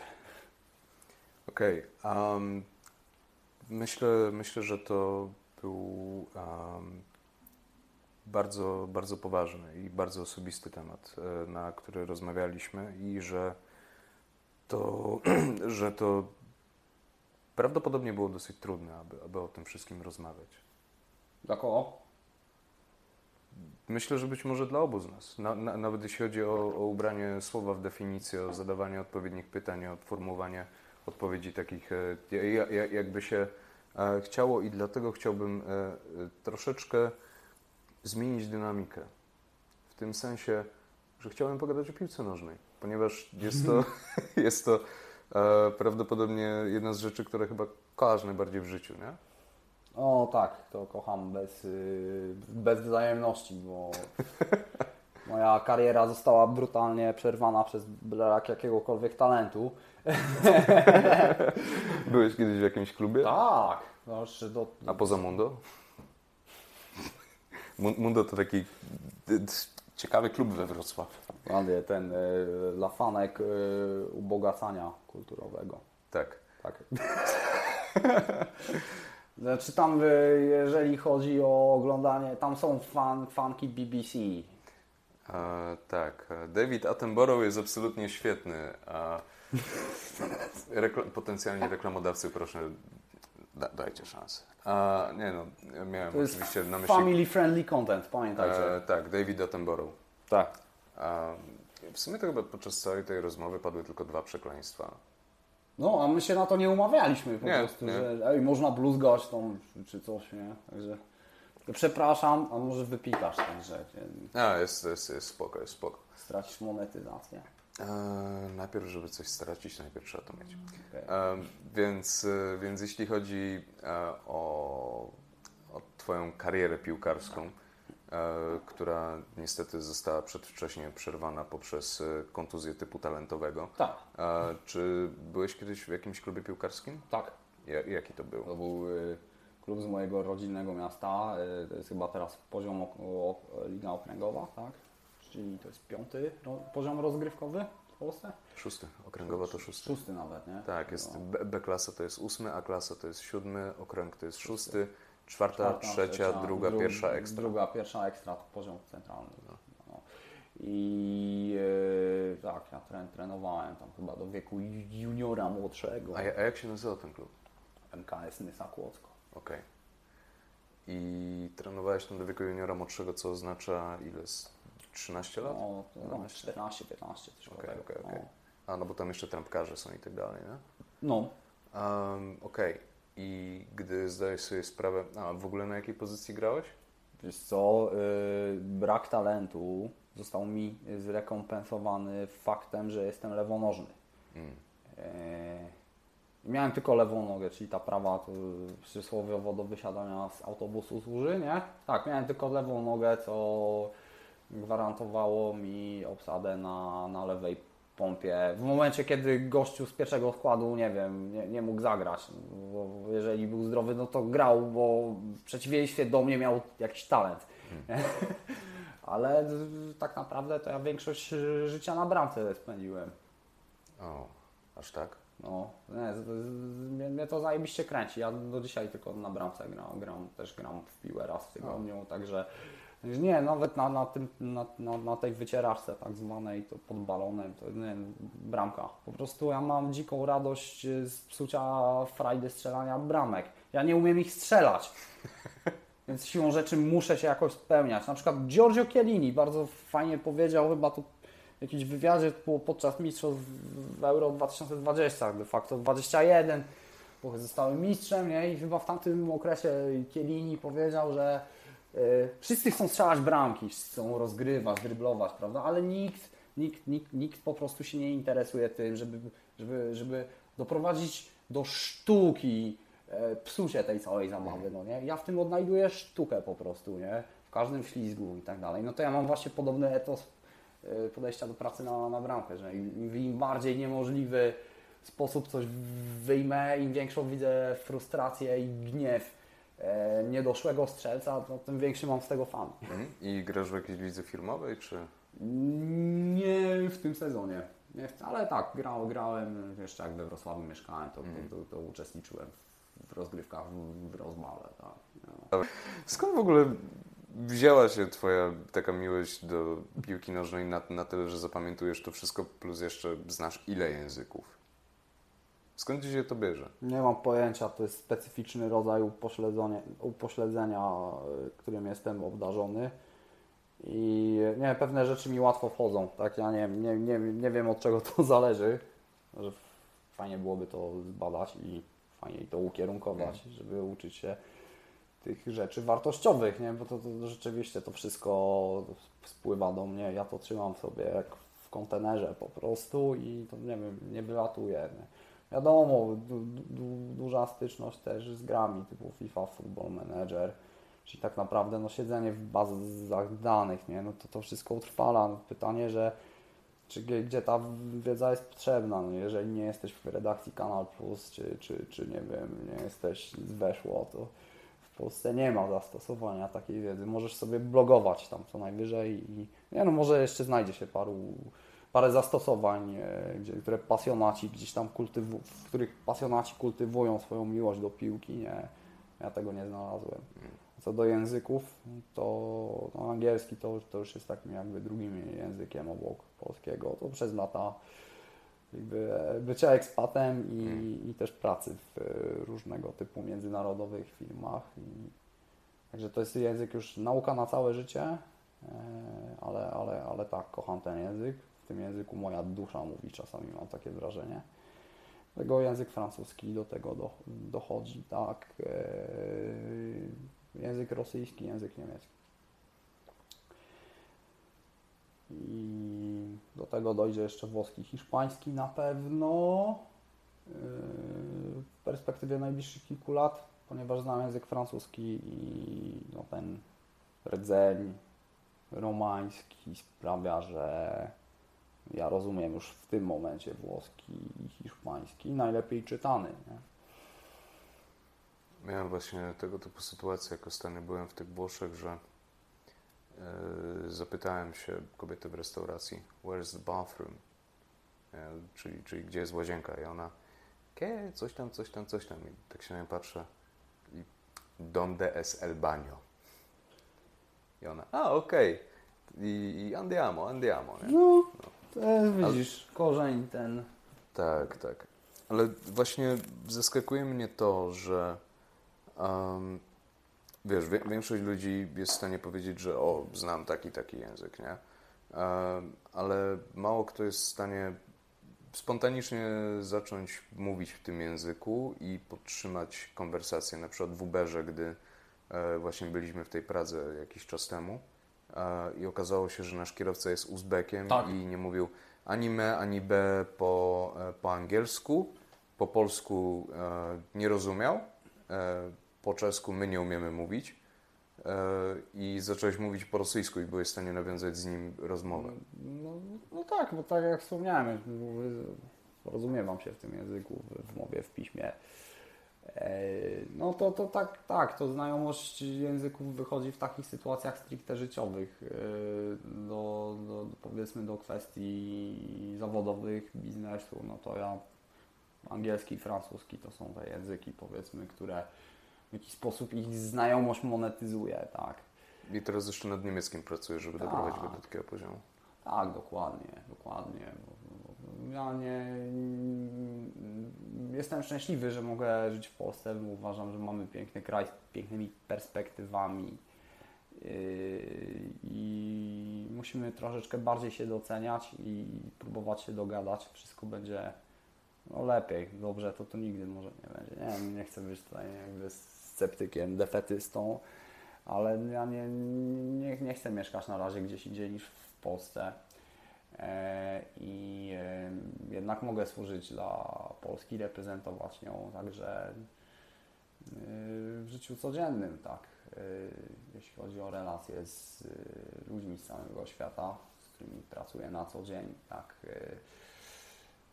To wszystko sprawia, że ja jako Polak e, w świecie się czuję jak e, po prostu obywatel, obywatel świata. Nie, nie mam żadnych problemów e, ze wstydem, że skądś, nigdy w życiu się nie wstydziłem swojego pochodzenia. Nie mam czego się wstydzić, absolutnie, tak.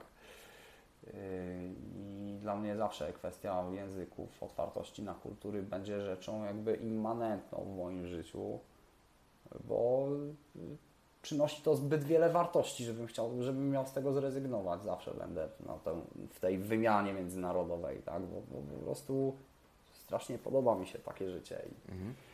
A, natomiast e, w jaki sposób uczysz się tych języków?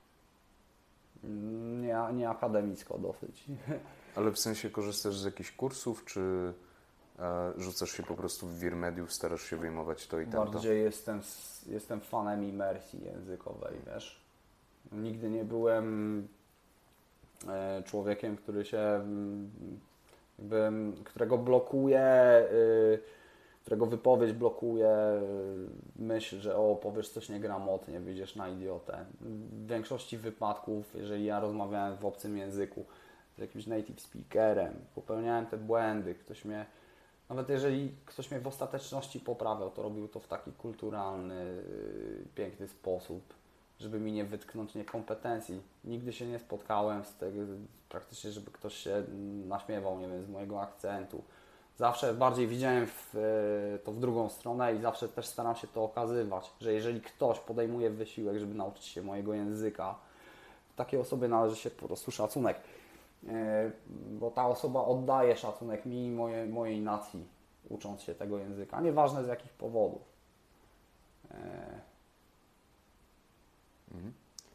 Um, a czy właśnie tam, bo jak wymieniałeś te wszystkie języki, to zwróciłem uwagę na to, że wymieniłeś w sumie języki germańskie, słowiańskie i e, romańskie. Tak, romańskie. Tak. tak. No. A chciałem się zapytać, czy masz w planach kiedyś nauczyć się jakiegoś języka, który nie należy do grupy języków indoeuropejskich?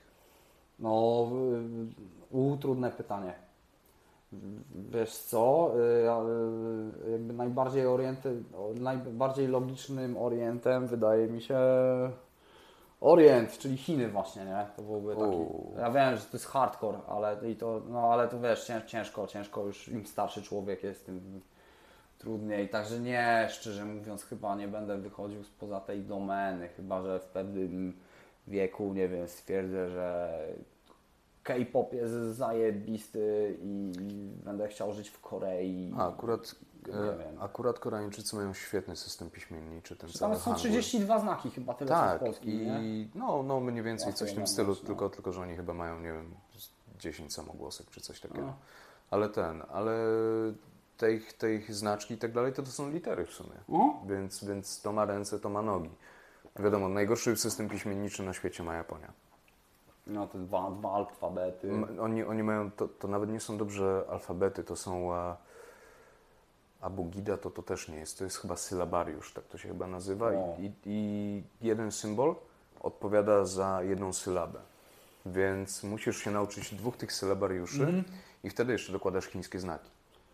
Okej, okay. ty wiesz co, dobrze zapytam, bo y, po, tym, po naszym nagraniu ja się widzę z y, moją dobrą koleżanką, która mm. jest y, japonistką, także o. zapytam. Tak, oni, te ich trzy systemy, które z których korzystają naraz, to jest katakana, hiragana i kanji. I te katakana i hiragana to są właśnie te od zapisu sylab, z tym, że z jednego korzysta się w jednej sytuacji, a z drugiego w drugiej. Nie wiem o co chodzi. Stary, to wszystko brzmi jak jakiś wymyślny sposób na samobójstwo dla mnie. Tyle. Ale stary, e, kanji to jest dosłownie przejęte z chińskiego, to, to jest japońszczona wersja chińskiego określenia hanzi, czyli chińskie znaki, chińskie symbole i oni korzystają z tych chińskich symboli normalnie w zapisie, Aha. razem z tymi swoimi dwoma sylabariuszami jeszcze. Więc to jest trochę straszne. Natomiast słyszałem, że podobno e, najłatwiejszymi językami indoeuropejskimi do nauczenia się, znaczy się nie, indo, nie indoeuropejskimi do nauczenia się z punktu widzenia ludzi posługujących się takie, tego typu językami, są podobno e, tagalog i indonezyjski. Tagalog to jest e, język Filipin. No. Właśnie Więc- tak myślałem, że, że to może mogą być te strony świata. E, Hmm. Gdzie, gdzie ten język jest taki No w sumie jakby nie było, na Indonezji mieszka mnóstwo ludzi stary i ta wyspa jest, znaczy się ten archipelag jest olbrzymi. No On tak. jest dłuższy niż Europa stary. Tak. Razem z Rosją. No, znaczy dochodziłoby do Uralu. No, tylko tam mają też swoje problemy, bo Jakarta to nie, tak myślą o... W jakim sensie Jakarta? Czy? Jakarta, czy tam jest, no, y, Jakarta jest przeludniona w tym momencie no, od paru, od paru, parunastu lat pewnie to narasta. No i też słyszałem właśnie, że są pewne jakieś ry- ry- ryzyka związane ze zmianą klimatu i że, że, że tam to miasto będzie jakby coraz mniej możliwe do zamieszkania i teraz nie wiem jak, nie śledzę tego tematu, więc y, może ktoś tutaj poprawi, ale Indonezyjczycy z tego co się orientowałem budują sobie nową stolicę, bardziej O. w interiorze, nie? żeby odciążyć Jakartę. Mm. Ja słyszałem o tym, że Tak. budowali nową ten, nową stolicę. Natomiast jeśli chodzi o Indonezję, pamiętam, że e, kiedyś odkryłem, nie wiem jaki jest stan teraz tego, ale wiem, że kiedyś była olbrzymia scena nazi-punkowa W Indonezji. w Indonezji. Że jak znajdowałeś indonezyjski zespół punk rockowy, spore szanse, że e, mieli flagi, e, jakby to powiedzieć, żeby, żeby nie razić. Z wiatrakami nieprzyjaźni Rozumiem. i, i, i tak dalej. I tytuły piosenek też były całkiem szalone, o ile dobrze pamiętam. Nie pamiętam zbyt dobrze i nie rozumiałem ani słowa, bo oczywiście darli się po indonezyjsku, ale dowiedzieć się, że istnieje coś takiego, to było coś. Wiesz co, z takich postpunkowych dziwas, co to O, ja, ale ja nie, nie, nie, nie, ale, za... ale to nie jest postpunk, to, to po prostu taki A. zwykły pancur, taki A, dobra, to nie, nie, sorry, bo postpunkiem jest małciać doma, to ty mi pokazałeś przez ten krótki short na YouTubie. Tak, ten, ten, ten z tym tańczącym dzieckiem. Cudna. Nie no, powiem Ci, że sztos, chłopie, ja, ja słucham, słucham, słucham. Ge- doma, e, dzięki za referencję. E, Generalnie e, białoruski postpunk robi robotę potworną. E, Myślę, że jest lepszy zespół niż Molchat Doma. Niemożliwe. E, Nur Nuremberg. Nuremberg, dobra, to Tak, mi podeślesz potem, jak Ci przypomnę, no. W ogóle Z Norymberga też jakby konotacje takie związane z wiatrakami nie przyjaźni, Nie, nie, nie, nie, nie, nie, nie. akwarelistami Nie, nie, nie, nie, nie, nie. południowej Rzeszy. E, Nie, nie, nie, nie. Okej. E, Niepowiązane z tym. E, Jest e, mniej więcej e, tak samo smutne, szare i postkomunistyczne jak Molchat Doma. Okej. Tylko, Podoba tylko się. moim zdaniem. Znaczy, tru, trudno w tym akurat na, na tej szczególnej scenie znaleźć płytę, która będzie lepsza niż etaże. E, No, sztos album. Ale Skrywaj jest prawie na tym samym poziomie. Tak, tak się nazywa ich, ich płyta.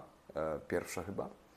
E, I o ile kolejnych nagrywek, nagrywek Molchat Doma ledwo jestem w stanie słuchać, tak każda nagrywka Nuremberg mi się podoba. Okej, no solidna referencja. A, I ten, i też, też to jest niesamowite właśnie, jak różne sceny muzyczne są w różnych krajach, których nawet byś się nie spodziewał. Że na Białorusi masz zasadniczo klony Joy Division, tylko jeszcze smutniejsze, jakimś cudem bardziej taneczne naraz. Że masz e, nazi punków w Indonezji. Ja na przykład jestem olbrzymim fanem stary francuskiej indie-troniki. A, Taki przyjemny popik powiedziałbym, No, ale, ale- ale, ale, taki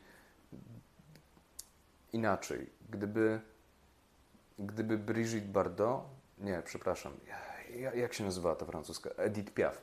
Gdyby Mhm. Edith Piaf a, robiła jednocześnie muzykę dla kawiarni, a raczej dla klubu kawiarni i inspirowała się a, Carly Rae Jepsen. Ojej. Oj, ła, ło, u. Brr. Brzmi dobrze wbrew pozorom. Nice. Jak jakiś- jesteśmy przy Mm. fre, francuskim e, p- elektro, to pragnę nadmienić, że połówka zes- zespołu Daft Punk Thomas Bangaltie wydał ostatnio album z muzyką klasyczną. Prześliczny jest stary. Mi tak średnio siadło, ale okej. Mi, mi bardzo się podobał, przynajmniej w większej części. E, ale jeśli właśnie chodzi o pana Thomas Baugmalta, czy jak mu tam? To na Bangalci. E. Chyba. E, Tomasz Bengalczyk. E.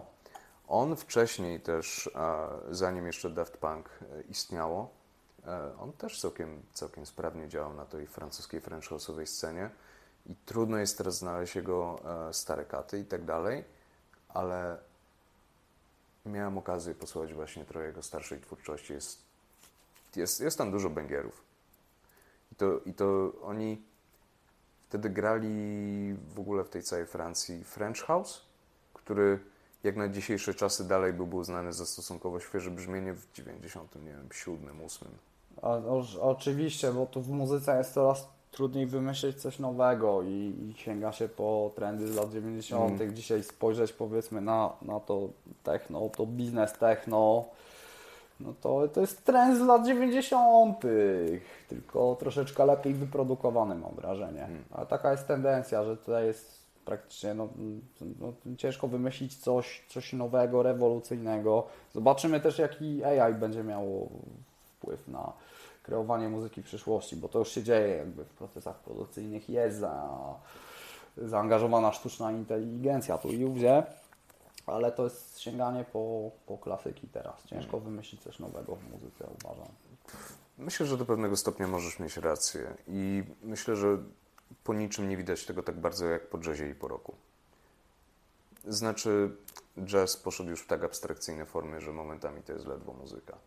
Ale jeśli chodzi o rock, to myśl, myśl, myślę, że teraz Nickelback, gdyby debiutowało dzisiaj, byłoby przyzwoitą kapelą. Żartowałem. Nie, nie byłoby. A, znaczy uważam, że hejt na Nickelback jest przesadzony, ale jest zasłużony. Em, natomiast, e, wiesz, jesteśmy trochę w sytuacji, w której a, dalej headlinerem koncertu są jakieś stare dziadki z lat 80. i ZZ 90.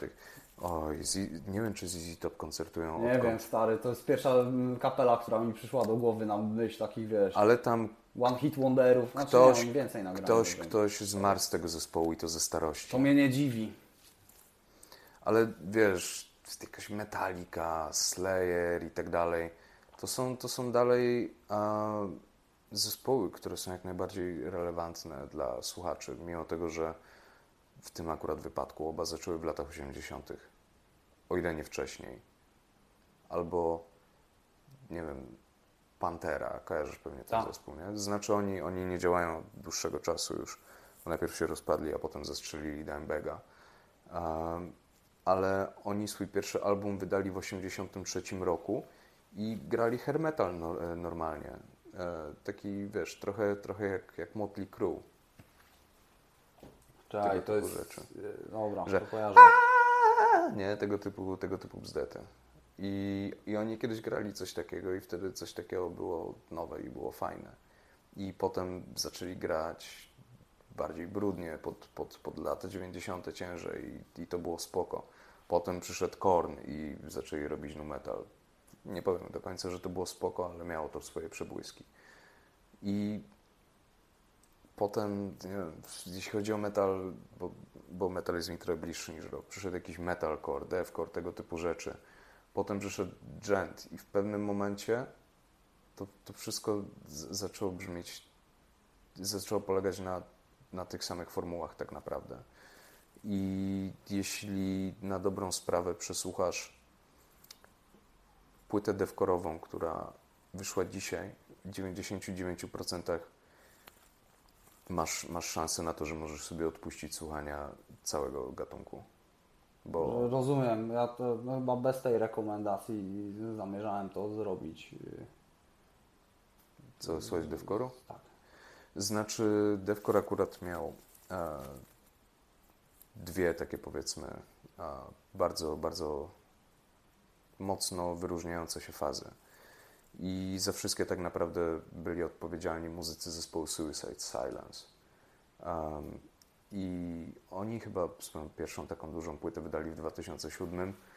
To jest miazga to, co oni zrobili na tamtej płycie. To jest jedna z moich ulubionych płyt wszechczasów, a nie pamiętam jak się nazywa. E, ale ten, ale, ale była, była naprawdę, naprawdę dobra. Potem chyba w 2008 albo 2009 wydali kolejny krążek i to dalej było takie typowe devkorowe siekanie. Mocna, mocna muzyka. I potem w 2012 roku wydali kolejny devkorowy album, tylko że były na nim wyraźne wpływy nu metalu. Że był tutaj, wiesz, jakiś phaser, tutaj Tak, bo to Linkin Park robiło nu metal, tak? Nie, tak, tak, tak, tak, znaczy tak, oni robili nu metal, ale oni, oni potem zaczęli robić rock i to szybko dosyć w 2006 roku. Więc bardziej pomyśl tak jakbyś wziął, nie wiem, Cannibal Corpse i zmieszał to z Kornem. Wiesz co, kukurydza z... Nie wiem, weź sobie tam na poziomie takim or, organoleptycznym to by... W sumie, w sumie wychodzi, wychodzi z tego jakiś dziwny stir fry. I bardzo dużo zespołów wtedy devkorowych zaczęło a, włączać a, elektronikę i jakieś tam para hip-hopowo-metalowe rzeczy do swoich kawałków. No może z tym hip-hopem przesadziłem. Ale właśnie myk jest taki, że potem to tak jakby poszło w trzy różne kierunki, z czego jeden już zdech i bardzo się z tego powodu cieszę, bo e, wrócił nu metal, ale ta scena wzięła i zawinęła się i znikła znowu. Dobrze. E, narodził się z tego, oni wtedy na to mówili progresywny deathcore, potem to zelżało i zaczęło się robić bardziej progresywne i zaczęli ludzie na to mówić gent. Znaczy, jeśli, jeśli, jeśli ktoś w ogóle dotrwał do tego momentu w podcaście i ogarnia scenę metalową, to tutaj prawdopodobnie a, wytoczyłaby się wielka tyrada, że o, gent zaczął się od Meshugi i od ich piosenki Bleed, która jest niesamowitą piosenką. Ale mam na myśli to, co dzisiaj raczej jest postrzegane jako gent. I trzeci, trzeci kierunek był taki, że zostało tych kilka zespołów, które grały deathcore tak, jak grały wcześniej. I one sobie dalej jako tako istnieją. I dalej jako tako grają deathcore, ale stylistycznie nie zmienili się wiele od nie wiem, 2007 roku. I to dalej jest jedna, wbrew pozorom, jeden z, z najbardziej nowatorskich rzeczy w tej, w tej muzyce. Mocne, synkopo, mocne synkopowane rytmy. W, werszy, w, w lżejszym gatunku, na przykład metalcore, No, tak, to- tak się nazywa. co, e, totalnie nie wiem o czym mówisz. Oni, oni tam nawet momentami wrz- wrzucają bridge, wiesz, jakieś sekcje w piosenkach, Tak, które nadawałyby się do popowych piosenek. I śpiewają to nawet ładnie chłopcy czasami. wszystko jest eklektyczne. Tak, ale chodzi o to, że chodzi o to, że em, to było 20 lat temu. Może przesadziłem, 15. I to dalej jest prawdopodobnie najbardziej kreatywne i najbardziej znośne e, i przemawiające do większej grupy ludzi niż jakieś tam małe niszowe sceny. E, to, co udało się wymyślić w muzyce rockowej. Bo są oczywiście nowi muzycy, jak na przykład niesamowita nowa fala Screamo z Australii, która jest niedorzecznie brutalna, hałaśliwa i jednocześnie smutna zarazem. Świetna rzecz. E, zwłaszcza zespół Blind Girls, e, jeśli, jeśli ktoś chciałby to sobie sprawdzić. Ale, ale trudno jest po prostu wymyślić coś nowego. A nawet jeśli okaże się, że wymyśliłeś coś nowego, to że prawdopodobnie już ktoś to kiedyś zrobił wcześniej. A ty możesz w sumie tylko to zrobić lepiej. A ludzie, którzy chcieliby eksplorować, są trochę postawieni pod ścianą, bo wiedzą, że nie są w stanie wyeksplorować niczego nowego prawdopodobnie, tylko że są w stanie rozwijać i iterować formuły, które już były utarte wcześniej. Dlatego też myślę, że muzyka elektroniczna tak e, urosła w ostatnich czasach, Mhm. bo ona oferuje po prostu olbrzymie, olbrzymie, olbrzymie możliwości, jeśli chodzi o eksplorowanie. No tak, bo jakby wychodzimy tutaj z, e, z tego spektrum analogowych e, instrumentów, gdzie oczywiście mm, jakby też za, za pośrednictwem różnych e, metod my możemy nadać inne brzmienie e, gitarze, oczywiście od- odpowiednio to procesując przez, przez jakiś, nie wiem, plugin VST czy tam cokolwiek. E, no, no tak, no spektrum jest szersze tak naprawdę i tak naprawdę tam nie ma zasad. Jak siadasz przed nowym projektem, masz nie wiem, Abletona, Fruity Loopsa, Logica, czegokolwiek używasz, masz po prostu czysty arkusz, po nim malujesz po prostu i yy, możesz użyć wszystkiego, tak naprawdę. To, Nie, nie ma zasad. to z tym brakiem zasad przypomniało mi 2014 rok i Złote Dziecko Fruity Loopsa. Martin Garrix. No, no tak, fen, fenomen, bo to był... Animals. Tak, tak. Bang, ba- banger, banger totalny. Co Okrutny ciekawe, banger. wiesz, że to był jedyny niepełnoletni uczestnik Tomorrowlandu. O, nie wiedziałem. Tak, on chyba pierwszy Tomorrowland zagrał jak miał 16 lat. Nieźle.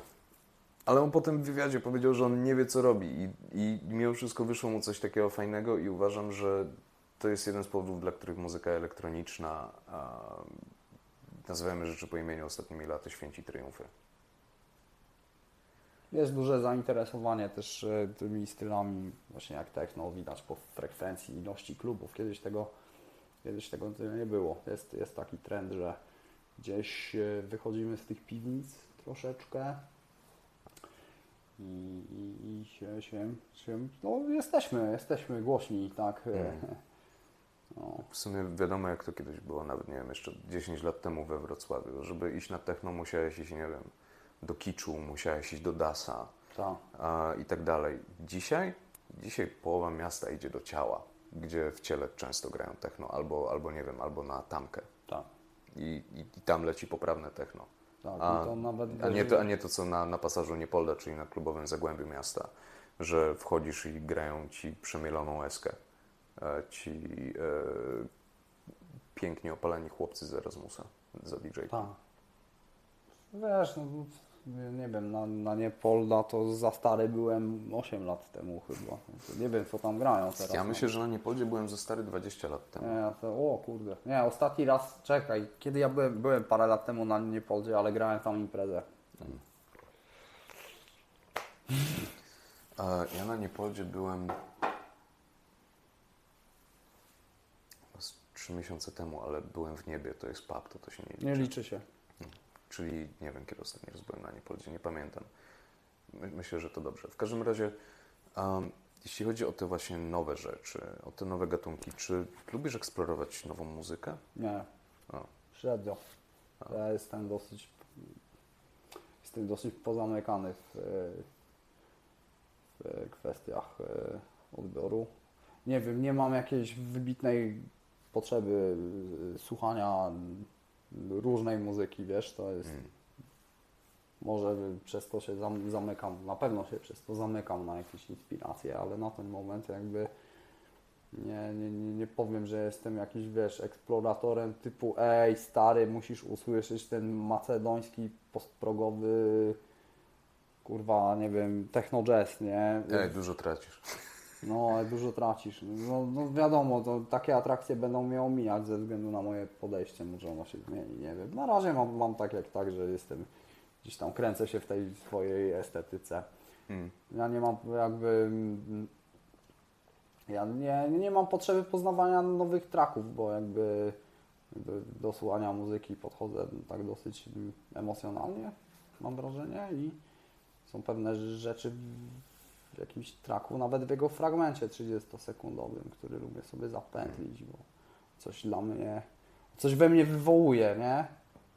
To jest tak, ja dziwnie słucham muzyki bardzo, strasznie dziwnie. Także. Opowiedz o tym coś więcej, stary. Ojej, ojej, nie, nie, bo to już mnie do czubków wyślecie po prostu. Też ma to, to, to też jest wpływ tego, że, że, że jednak no, jestem DJ-em, ja mam troszeczkę, muszę mieć troszeczkę bardziej techniczne podejście do słuchania muzyki, czyli jeżeli ja przygotowuję seta, albo go nie przygotowuję, ale zakładam, że go przygotowuję, czyli jest jakaś tracklista, jest jakiś koncept, w którym chcę coś opowiedzieć, tak, no to żeby, żeby dobrze wykonać przejście, y, żeby ono było właśnie wiadomo, technicznie poprawne, nie było tak zwanych koni, e, ale żeby to w Czy, czy, czym są konie? Konie to są momenty, kiedy źle synchronizujesz beat matching, robiąc Mm. przejście z jednego utworu na drugi Ej, i patataj, stopa. patataj. Dokładnie, nie? Stopa, stopa. Mm. Nie jest tak, jest tak. Są konie. Albo schody, różne są słowa na to. To, to, to, to jakby osłuchanie się z tymi trakami, no to jest, jest dosyć istotne, żeby to fajnie zagrało. No to, to jest jedyna taka przyczyna techniczna, dla której słucham muzyki w ten sposób, ale reszty nie umiem wytłumaczyć, po prostu dziwne to jest. Rozumiem. Czy dlatego na przykład y, dużo powiedzmy utworów z zakresu, nie wiem, powiedzmy jakiegoś techno czy coś w tym stylu y, składa się z wyraźnie oddzielonych sekcji, które są poprzedzielane czymś, co można byłoby łatwo wkomponować w przejście? Dokładnie tak. Techno trance to jest grany na cztery, tak. y, Patrz, czyli masz co cztery stopę. Wiesz, taki, No. jakby frazę, frazę znaczy, sorry, nie, bo stopa gra, wiadomo. W sensie takt. Tak, tak, takt. Można to jakby w takim analogicznym zapisie nutowym ująć to jako takt. To jest fraza. No i e, zwłaszcza w takim gatunku jak peak time techno, jest taki podgatunek Co techno. to jest? Peak time techno to w takim dużym skrócie to jest właśnie tech, techno, w którym mamy, wiesz, jest progresja, gdzie co czwórka jest dodawany, wiesz, element, prawda? I on do, przez breakdown, czyli moment takiego wyciszenia, takiej, takiego bardziej ambientowego, wiesz, przejścia często z wokalem jakimś czy innym motywem e, właśnie sparowanego. Wiesz, przechodzimy do dropa, nie? czyli takiego Mm. punktu kulminacyjnego całej tej zabawy, prawda? I drop, czyli ostateczne, jebnięcie ciężkie, prawda? I, i potem schodzenie z tej fazy, nie? Czyli mamy tą tak wyglądałaby y, jakaś e, na, na wykresie architektura tego utworu, prawda, że on się zaczyna gdzieś od dołu, idzie, idzie, wszystko jest budowane, kumulowane po to, żeby mieć szczyt i z niego zejść, nie? I, i takie jest peak time techno na przykład, nie? Mm. Rozumiem. Tak zastanawiam się, bo w sumie siedzimy już, już gadamy kilka ładnych godzin. Chyba, chyba będziemy powoli kończyć to, nie? Tak. To mam, to, to, to, to mam do Ciebie już takie zamykające pytania. Czy jest coś, co chciałeś osiągnąć poprzez swoją obecność tutaj dzisiaj, poprzez tę rozmowę? Nie zastanawiałem się nad tym przez ani chwilę, szczerze mówiąc. Po prostu, jak ty no, pisałeś do mnie o, o tym pomyśle, myślałem sobie, wow, nie? Ja jako właśnie odbiorca formuły podcastu mam, mam swoich ulubionych twórców, a też chętnie odkrywam nowych, to jestem troszeczkę bardziej otwarty na eksplorację niż w wypadku muzyki najwidoczniej. Ej, co, nie wiem, nie, nie nadawałem temu sensu po prostu, pomyślałem, stary, chcemy pogadać o czymś też no istotnym, nie? To są kwestie życia i śmierci, przynajmniej dla mnie były. Ja nie mam żadnego problemu, żeby powiedzieć o moim świadectwie, czuję się z tym okej, nie, może nie jakoś super twardo, ale wiem, że jestem na dobrej drodze i wiem, jakich rzeczy muszę przestrzegać, aby na tej drodze zostać i z niej nie zboczyć, więc jakby mogę położyć pod to moje credo, mogę to powiedzieć publicznie, że jestem alkoholikiem suchym Yy, i być może niech ta historia mm, będzie wskazówką historii waszej, w kogoś z waszego bliskiego otoczenia, że my, my jesteśmy wszędzie, yy, no, potrzebujemy zmienić swoje życie, czasami potrzebujemy z tym pomocy, najczęściej potrzebujemy z tym pomocy. Yy, A tak to chyba, chyba, ty- chyba tyle, nie? Jeszcze Ja, raz chyba- chyba dzięki, tak. dzięki za zaproszenie, naprawdę Dzięki bardzo mi byku. miło się zrobiło. Dobra, no to co, no to No. chyba zmierzamy do końca. Ja muszę zrobić obiad dla, dla trójki z nas, ponieważ jeszcze moja kochana żona przyszła e, już dłuższą chwilę temu. E, no i ten. E, jeśli podobało Wam się, to nie wiem, dajcie łapkę w górę, zasubskrybujcie, czy co tam robicie na tej platformie, na, na której tego słuchacie bądź oglądacie. Z tej strony my. Dzięki wielkie. Dzięki wielkie. No i wygląda na to, że to tyle na teraz. Do zobaczenia w trzeźwości. Arrivederci. Ciao. Ja niekoniecznie, ale dobra. Dzięki wielkie za przesłuchanie tego odcinka. Jeśli podobał Ci się, oceń go i zaobserwuj ten podcast, aby być na bieżąco z kolejnymi nagraniami. Dzięki wielkie. Jeśli szukasz usług z zakresu mediów społecznościowych bądź marketingu dla swojej gry komputerowej, albo jeśli masz zapytania biznesowe, napisz do mnie wiadomość na jakub.hipsagency.com. Do usłyszenia.